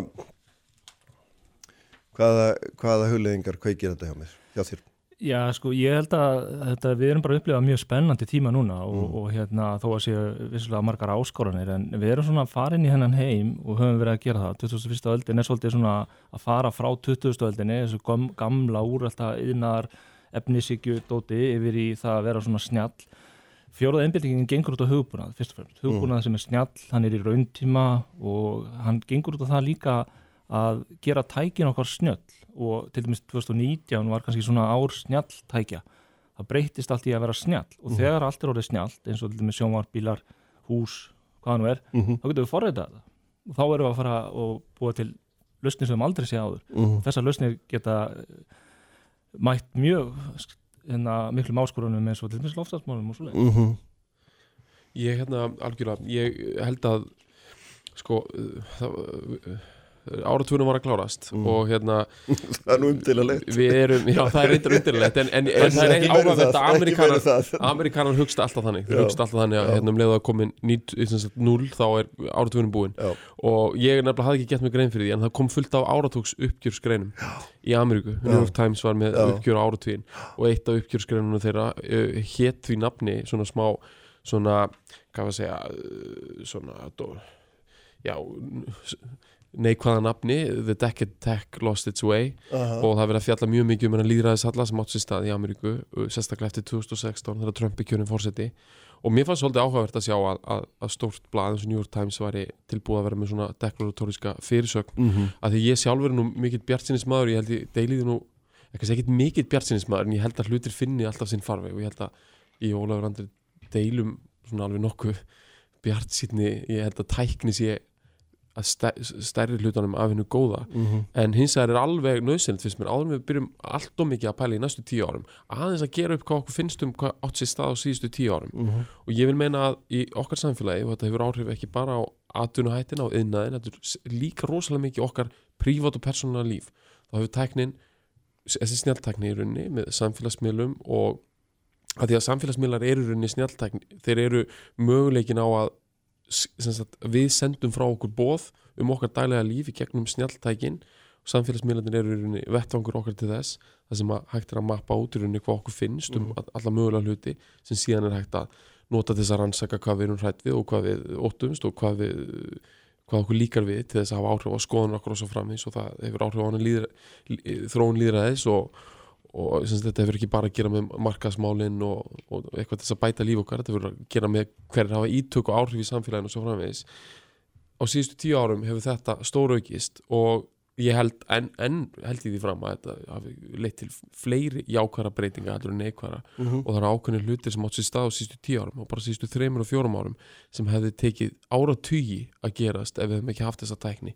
Og þá er ég að tala um stórkustlegar breytingar til dæmis í jafnbreytismálum, stöðu kynjana og bara réttindum um minnlutahópa yfir höfuð sem að Mhm. hafa fengið rödd sem að hefði ekki haft rödd uh, hérna áður og en ég held að við þurfum að gera okkur grein fyrir hvað þetta eru ótrúlega mikla breytingar þetta eru drastískar samfélagsbreytingar og það er ekkit ólíklegt að það verði eitthvað bakslag líka Mhm. þegar maður sér að svona stórar eh, eða svona deklaratóriska greinar eins og að tala um það að, að hérna að, eh, að tækni reysandi sérstaklega þetta er náttúrulega rosalega mikið á forræði stórra ameríska fyrirtækja. Já, það þurfi kannski að setja einhverju ofnbæra hömlur og starfsemi þeirra og svo framvegis. Mhm. það má vel vera að næsti áratugur verði líka svolítið þras um svoleiðsluti fyrir utan þessa stórkustlu tækni Hvernig, og hvernig getur svona haldið utanum þróunum ef svo má segja? Já, Já, En það kemur alltaf bakslag, bakslag er svona einkenni yðnvæðingar. Þegar Mhm. það kemur eitthvað nýtt þá fríka menn út og, og fara í panik og það breytir lífi fólksmenn tala um þetta er vond, þetta er slæmt, þetta er alls konar viðhóru sem koma fram. Mhm. Síðan kemur,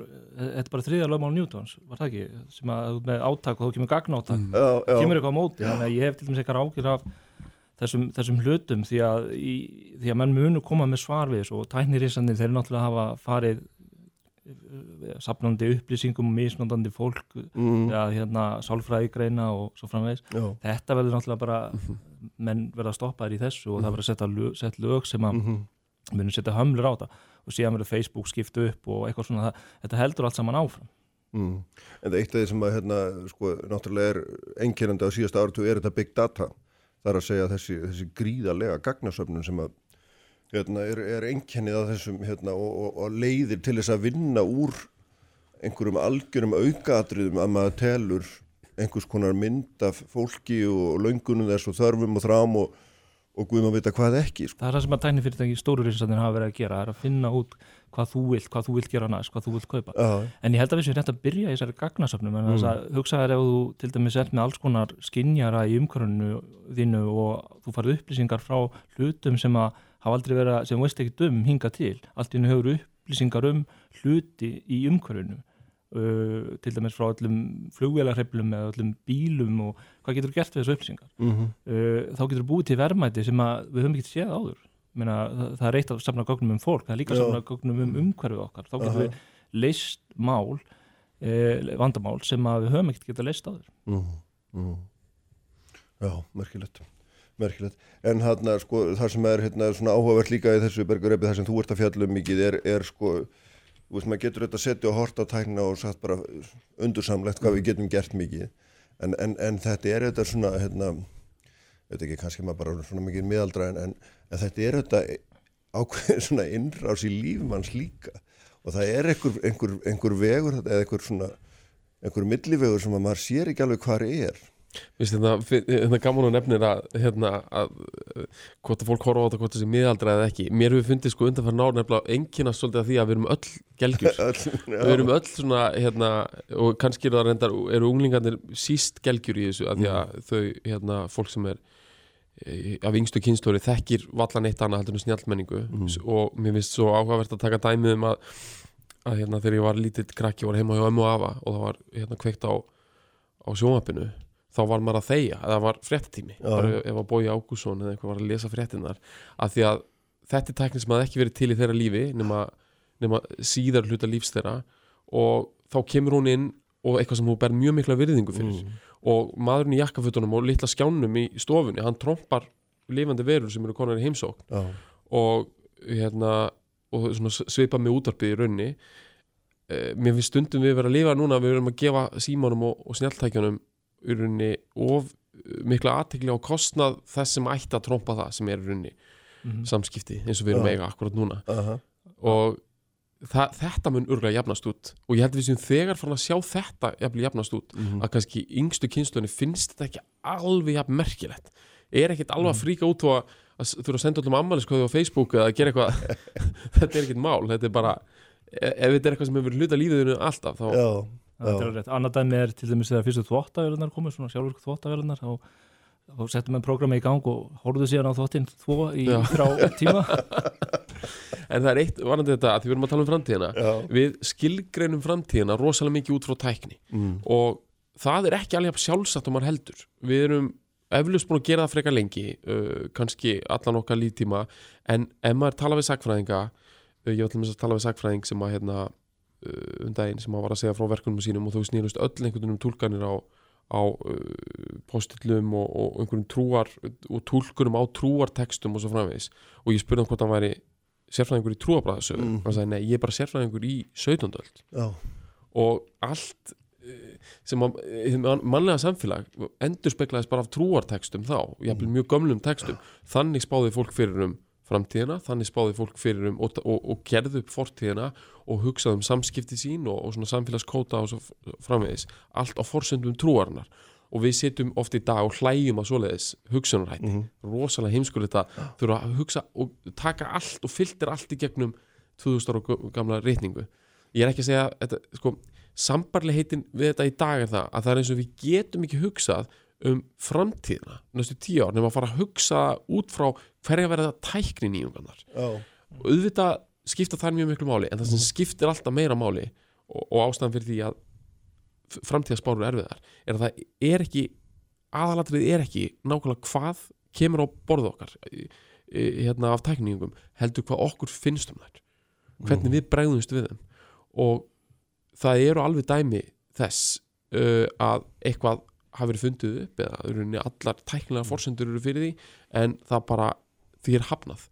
Og ég get alveg séð fyrir mér svona ákveðin hlutir í, í- kannski svona í, í nýjustu dæmi myndi vera veist það eru komin í rauninni tækni svona VR sagt svona, svona síndarveruleika tækni sem, sem gerir sko uh, okkur fært að að nánast í útiloka þann raunveruleika sem er beintir fram á okkur og fara í svona í alglemi svona immersive heim síndar heim einhvern Já, já, tæknin gæti í rauninni verið komið lengra, lengra en í, í alls konar betatestum sem tilrunaprónum og fleira og, og dæmi um svona kannski hálgerðan svona augmented reality svona hluta síndaveluga eins og Google Glass var og fleira.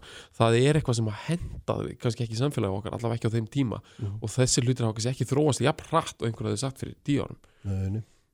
Nei, nákvæmlega, en sko á móti þessu myndi maður kannski vilja segja að, að sko það sem er breytingin núna og frá þessum tímum sem þú ert að lýsa og- meira sér tímum sem eru miklu, miklu nær okkur er að við skinnjum hraða breytingana miklu, miklu betur núna vegna þess að þær eru bæði svo örar, þær eru svo áþreifanlegar og þær eru svo gigantískar bara á líftíma eins mann sem þetta er ekki eins og þeirra sjónvarpið fundið upp þá voru sko 30 ára milli nýjunga eða eitthvað en núna er sko það er nýjunga á hverju ári.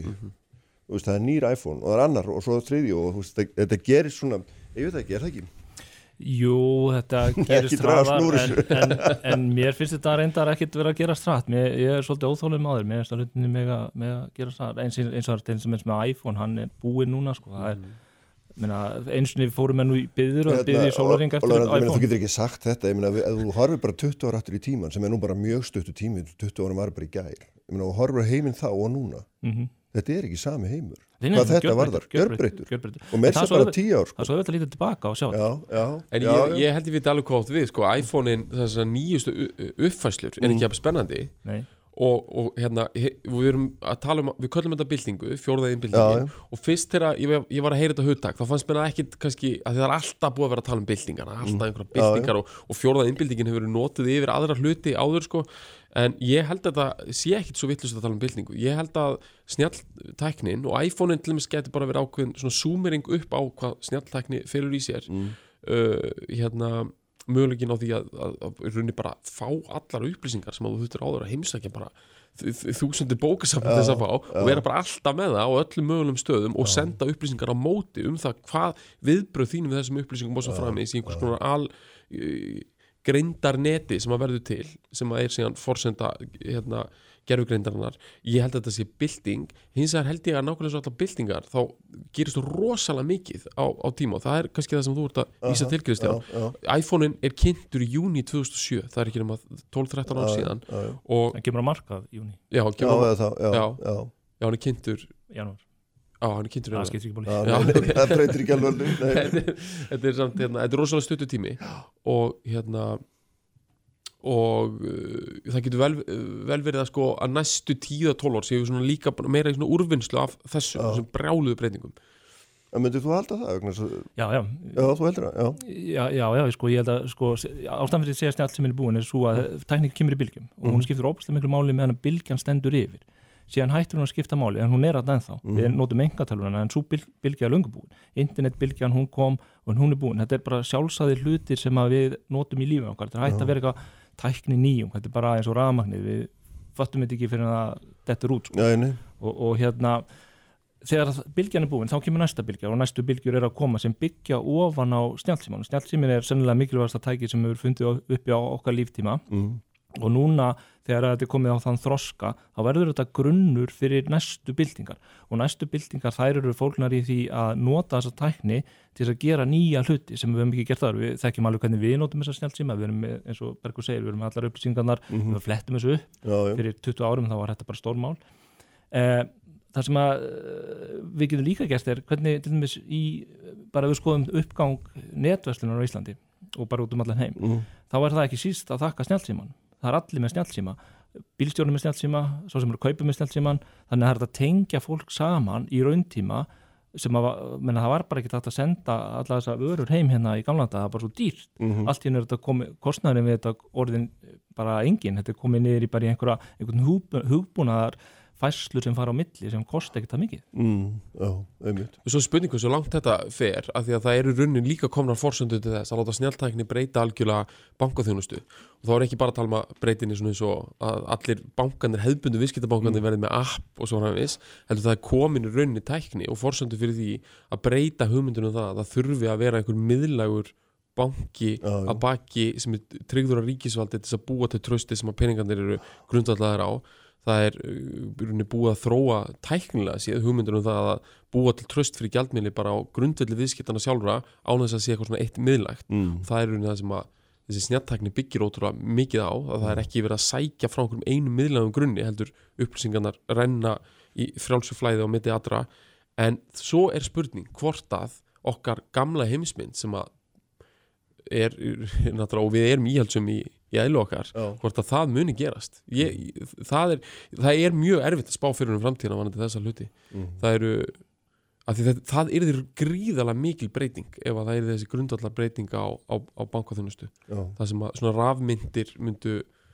og í rauninni við myndum fara frá því að vera með að grundvallar viðskipt okkar á, á, hérna, á myndu sem eru gefnar út af ríkisvaldi já, það er, já, það er sannlega sett Það er hérna það myndi breyta rosalega miklu og það sem er þegar byrjað að gerast og er svolítið lúmst Já, er það að uh, sagt, við erum svo vön því að fá alla okkar helstu þjónustu einhvern veginn tryggða af ríkinu og, og sérstaklega þegar kemur á vernd allt sem varðar vernd er eitthvað sem er, er tryggt af ríkinu Mm. og það er eitthvað grundaldra aðturinn á, bak, á bakvið þjóðurni og ríki og fleira það Já. er að þau veiti þegnunum vernd núna erum við að horfa stundum upp á það að verða fyrir kannski fólkulegum glæpum eins og persónu þjófnaði og jafnvel stórkustlegum um, þjófnaði á fjármunum gegnum netglæpi og fleira og þetta er eitthvað sem er að, svolítið verið að fjallum í fréttum núna Mm. og lauruglegu vildi hverju ríki fyrir sig getur rosalega lítið gert þau þurfa að reyna að áfríða þessum málum til stóru tæknireysana sem að og það er svona vafasamt hvernig reglunar gilda um hversu mikið þau þurfa að láta á hendi af upplýsingum og svona og hversu mikið þau þurfa að aðstofa ríkin. Mm. en um leiðu að búa að sá þessu efasenda frægi í þegnana um það að ríkið geta ekki veittir þá fullkonum vend sem þú ert alveg uppi að fá alltaf Já, þá, þá getur það líka breytt hugmyndunum um það. Af hverju þarf þá að nota mynd sem er tryggð af þessu sama ríki? Hvað er þetta ríki að gera í þessari fullkonum vend sem eru alltaf verið til staðar og ef að þessi þróun heldur áfram og stóru tæknifyrirtækin fara einhvern veginn að hafa líka forræði við því að veita okkur mentun sem eru, eru náttúrulega alls ekki komið forræði yfir en þau eru náttúrulega mentun Já, alltaf meira og meira í þessum já, upplýsingum. Já. fjölmiðlarnir, stærsta fjölmiðlarfyrirtæki heiminum er Alphabet hérna, eða Google í rauninni eftir hvernig þú lítur á það, miðlar mestum upplýsingum á öllum. Uh, og svo að lokum eða kemur, uh, ef við erum komin út af eitthvað svona eins og heilbriðistjónustu eða eitthvað fleira þá mun þetta hægt rólega breyta hugmynd okkar um ríkið um ríkið, og, og breyta hugsanlega og, og setja alþjóðanæðingun á alveg nýtt stig. Ég er ekki viss um að þetta gerist en þetta gæti gerst á, á fyrir næstu kynslu þetta er bara svo, það sem er svo erfitt að spá fyrir um svona mála því að þú veist aldrei hvernig fólk bregst við. Algjörlega.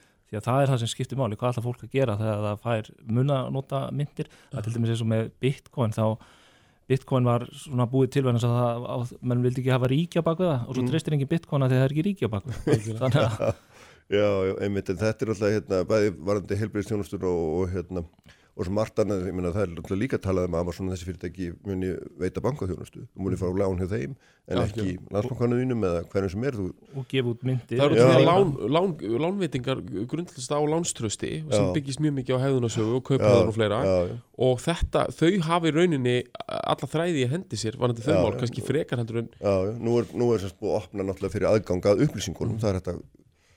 þú, þér, þér er sjálfsvald sett hvort þú dreifir upplýsingunum áfram, það er ekki alveg komið sko, það er er það að hérna, tæknifyrirtækinn þau sitja á gögnunum okkar. Mm.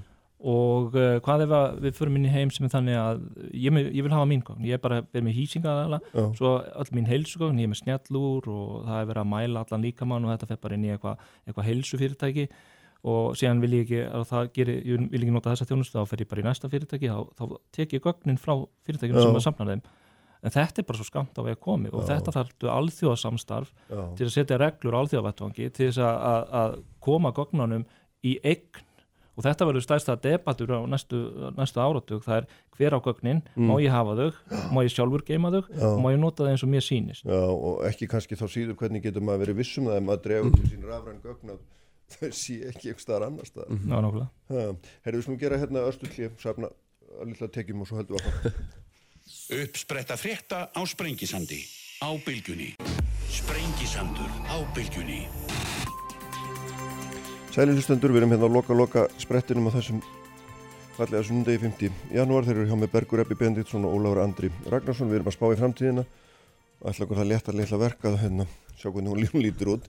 Þannig að eitt sem er náttúrulega svona mjög áhugavert hérna er, er sko hvað við munum gera á daginn í framtíðinu þegar að tækinn munum leysa allar, allar okkar þarfir uh, og auðvitað hérna er einfalt að segja, já það verða bara til ný störf þegar all þessi störf leggjast af sem við þekkjum í dag. meina, Við sjáum bara í vestlunum, því þú nefndið þannig Ólafur aðan að, hérna, að vestlanir er að tæmast af fólki af því að við erum að fara í netverslun eða við gerum þetta bara sjálf í búðanum og svo framvegis, ég meina það er bara eitt dæmi en fjálmarkar aðra stafskrænum, Þannig að þú sagði frá einhverju fyrirlistir frá konu sem vann hjá Amazon við að ræða í rekka en nú vinnur hún við að hérna, stýra robot sem að ræðar í rekkan og svo framvegis, meina, og, og þú veist, hvað hvað munum við gera, sko, það er, það er svona, ekki getur við öll setti og kaffihúsum drukkið kaffi og skrifa app fyrir hátti Já, mitt, þetta, er, þetta er sko það sem að menn hafa alltaf verið að þegar tæknibildingar eru og svona tækni, nýtækni þá er menn alltaf að spá í atvinnuna, störfin mm. munur robotinir ekki taka all störfin og við verðum bara á borgarlaunum á segir Já. eða á barnum eða að spila tölvuleiki sko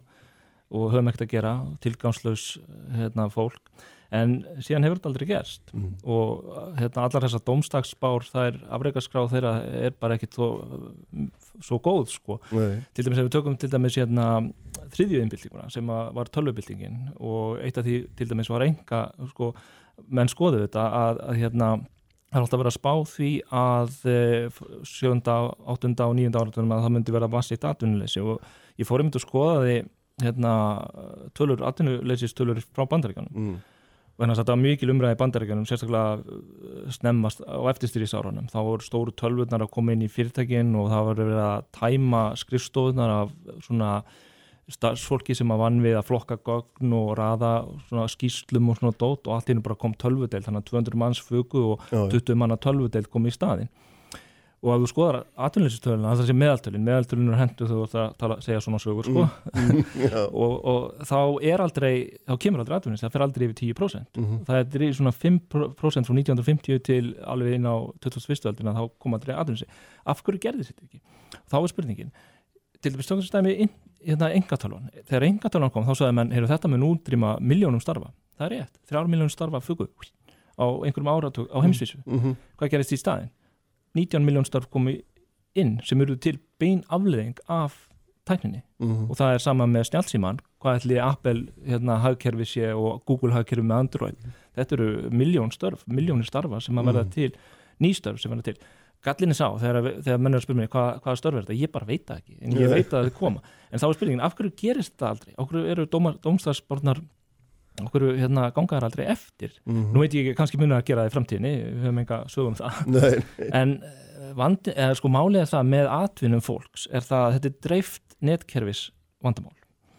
Og ef að það koma blíkur á lofti þá fer fólk að hugsa um sinn gang. Það, hugsa allir um raskat á sjálfum sér. Já. og þá fara menn að spá í býtu það er ekki vænlegt að vera hérna í fjár, fjármála geranum lengur, það er að koma fjártækn og svona þá fara menn að hugsa sem er að vinna þarna.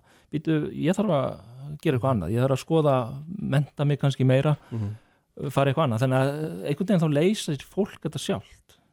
Og, og, og þetta, þess vegna hefur massíft ekki, en auðvitað hafa, hafa komið dæmi það sem að það er til, tæknir er í raun og veru tvennskona sem að kemur, annars vegar er það tæknir sem að bætir störf, gerir hérna fólki verðmætara, Mhm.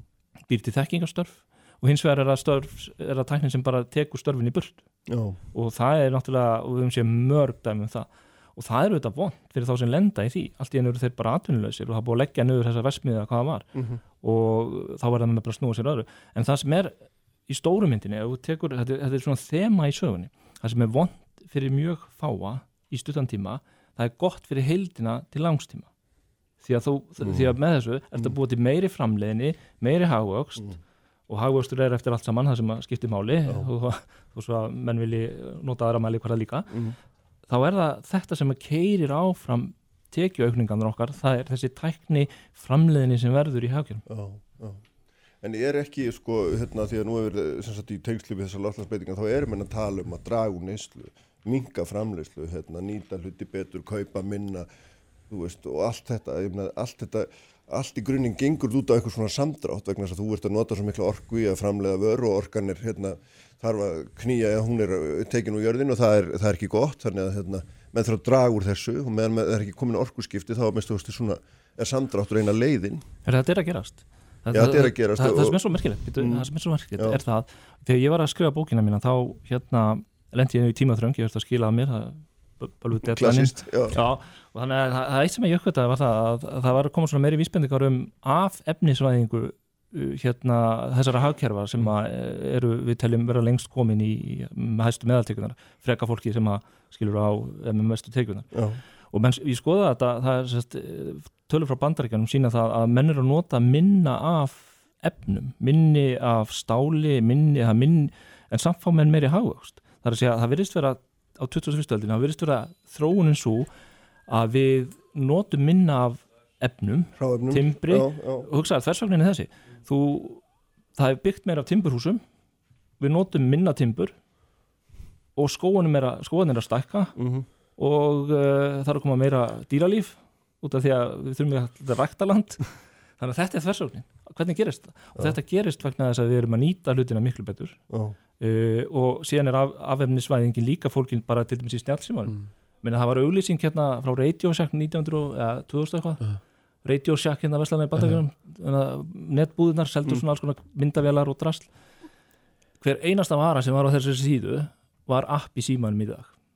Þannig að við þurfum ekki all- allt þetta stöff við þurfum ekki þetta hafurtask nei. þetta er bara app Hugmynd- veröldin að breytast í já, En einhver bjóð þetta til á sínum tíma skilur vann við það, Já. allt þetta sem er núna bara app, einmitt, og hvað er þeir að gera núna? já það er það eru að skrifa eitthvað app. óefnislegt ég held að þetta sé Ég alveg veit rétt ég, ekki. hérna, ég held að tækni núna hún felur í sér sko við höfum all, alveg möguleikan allavega á því að fara meira yfir í óefnislega hluti Mm. sem er það sem að er það eina sem getur bjargað uh, umhverfinu Mm. en við hérna þetta snýst á endanum bara um gildismat hvað okkur þykir hafa eitthvað virði í lífinu. Já. og auðvitað eru líka vísbendingunum það að yngri kynnslóðir hafa minni áhuga á tvöfalda ískapnum og tvöfalda bílskotnum um, en svo eru því miður alls konar líka teikna lofti um það að það er mjög stór og vaksandi hagkerfi í heiminum. Þau eru náttúrulega uh, sem sagt, rauninni bara ennþá okkar gamla góða mælikvarðum hagvöxt sem að, sem að hérna ég, ég vil meina þó að sé, við séum með ákveðna vísbendingunum það að, að, að, hérna,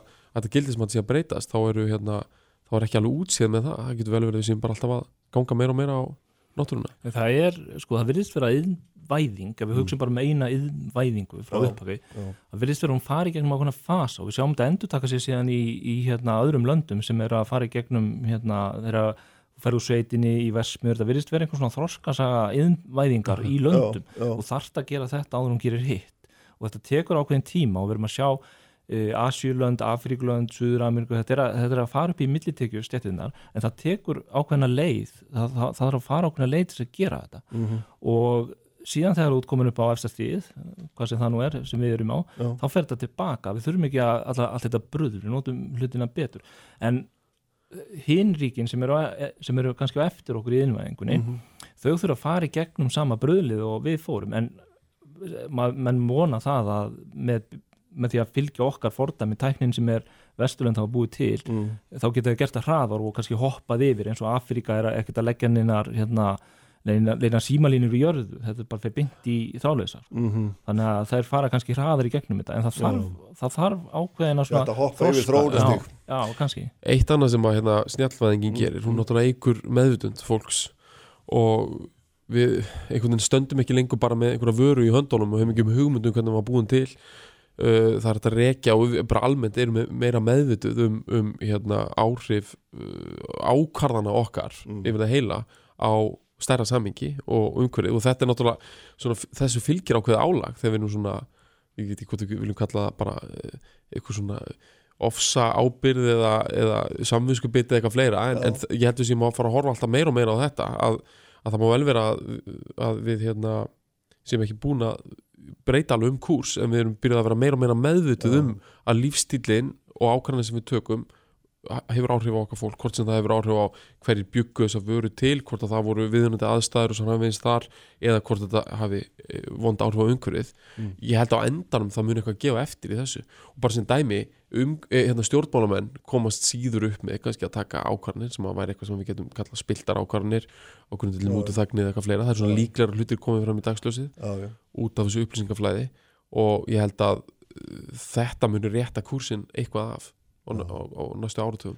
En um leið ertu líka að tala um heim sem er þar sem er algjör ofgnótt af upplýsingum, ekki um svo er alla það náttúrulega. mögulega hluti, sko, nú, lítið eftir að kannski að byrja á þessu en- núna, en ég meina það er stór hluti þessu líka, að, að, þú þarf náttúrulega til að geta nota þessar upplýsingar þá þarf að geta svolítið Já. kafa ofinnaðri og hérna þú ert með grunninn er þetta þannig að flestir lesa bara fyrirsagnir algjörlega. miljón sinnum á dag og komast aldrei lengra sko, af því að það er alltaf ný sem við okkur áhugaðin satt? í þessu, jú, jú, í þessu bjart sína hjali mínu hérna á hann gerir ég náttúrulega ráð fyrir því að hver og einn einstaklingur sé mjög ábyrgur og, og, og, og lesi, lesi alveg ofan í kjölin í allar upplýsingar en sjálfsögðu vitum við það að það er hægt að manipulera hérna fólk emmitt með ofgnótt upplýsinga og, og falsfréttir sem eru náttúrulega einhvers konar óhjákamilega afleðing af þessu upplýsingaflæði er eitthvað sem að stjórnmála fólk og hugsanlega líka uh, viðskiptalíf og fleira nýti sér til þess einmitt að halda áfram fyrir yðju þrátt fyrir að það væri að afhjúpa eitthvað mm. þannig að þetta er eitthvað sem maður veit ekki alveg hvort meginn þetta mun enda Við þurfum líka að passa okkur sko, við sem búum á í þjóðfélagum sem eru með hæstu meðaltíkjur í heimi við erum svolítið, við freka fólki sko, Mhm.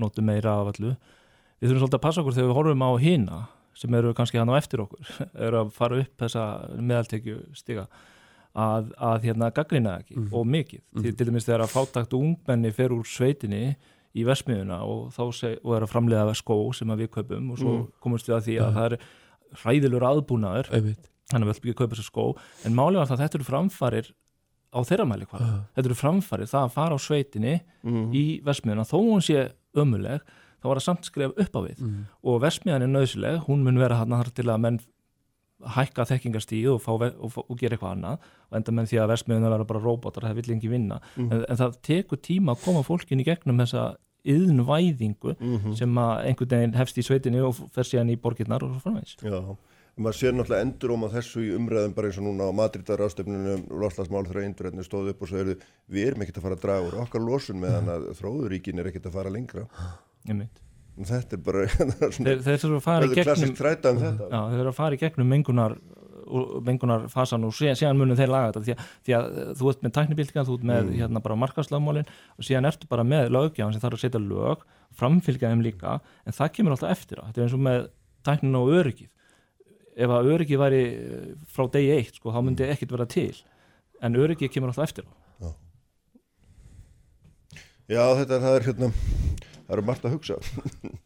En eru þið báði bara mjög þokkalega bjart sínur á þegar við getum ný, hagnýtt okkur þetta svo við grípum þannig niður hérna á 1 minútu 48 sekundum Já, ég held maður verði að vera alltaf svolítið bjart sín ég held að það sé nú bara eitt af forsendum mannleira tilvistar að, að vilja líta glaðan dag. Ég held að hérna en hins vegar á maður bara að gera það með ákveðina ábyrð og líka horfa á að sumir hlutir hafa skuggaliðar og við hérna, eigum til dæmis líka að horfa á sístu tíu ár. Við eigum að, við skulum gera þau svolítið upp fyrir Já. okkur bara prívat og persónulega hvað okkur finnst um þetta. Og það er leiðin að hugsanlega bjartri framtíð. Mm. En Ég hef mitt hérna, eftir því sem ég skoða meira þessa tækni framfarir og hvernig hlutinir er að gerast, þá verð ég bara mjög bjart það þannig. þetta sé allt saman hérna besti heimur allra Já, heima ég minna að það eru áskoranir og við, þetta er ekki alltaf eins og rósum, það eru áskoranir en, en hérna ef að haldið er rétt að spilum þá er þetta bara mjög áhugavert næsti áratugur. frábært herði við verum að láta þessu lokið hérna. Þættinum að ljúka þessum fyrsta þætti ásins 2020 Bergur Eppi og, og Ólafur Andri takk báðir fyrir að koma fyrir hérna yngar skemmtilegt og fróðlegt spjallum um framtíðan og allt sem við vitum ekki en langar að vita. Uh, allt efnir á vísi.is og bylgjan.is ég var Jón Haldursson stýrði útsendingu að venni við erum með ykkur hér aftur eftir viku. Verið sæl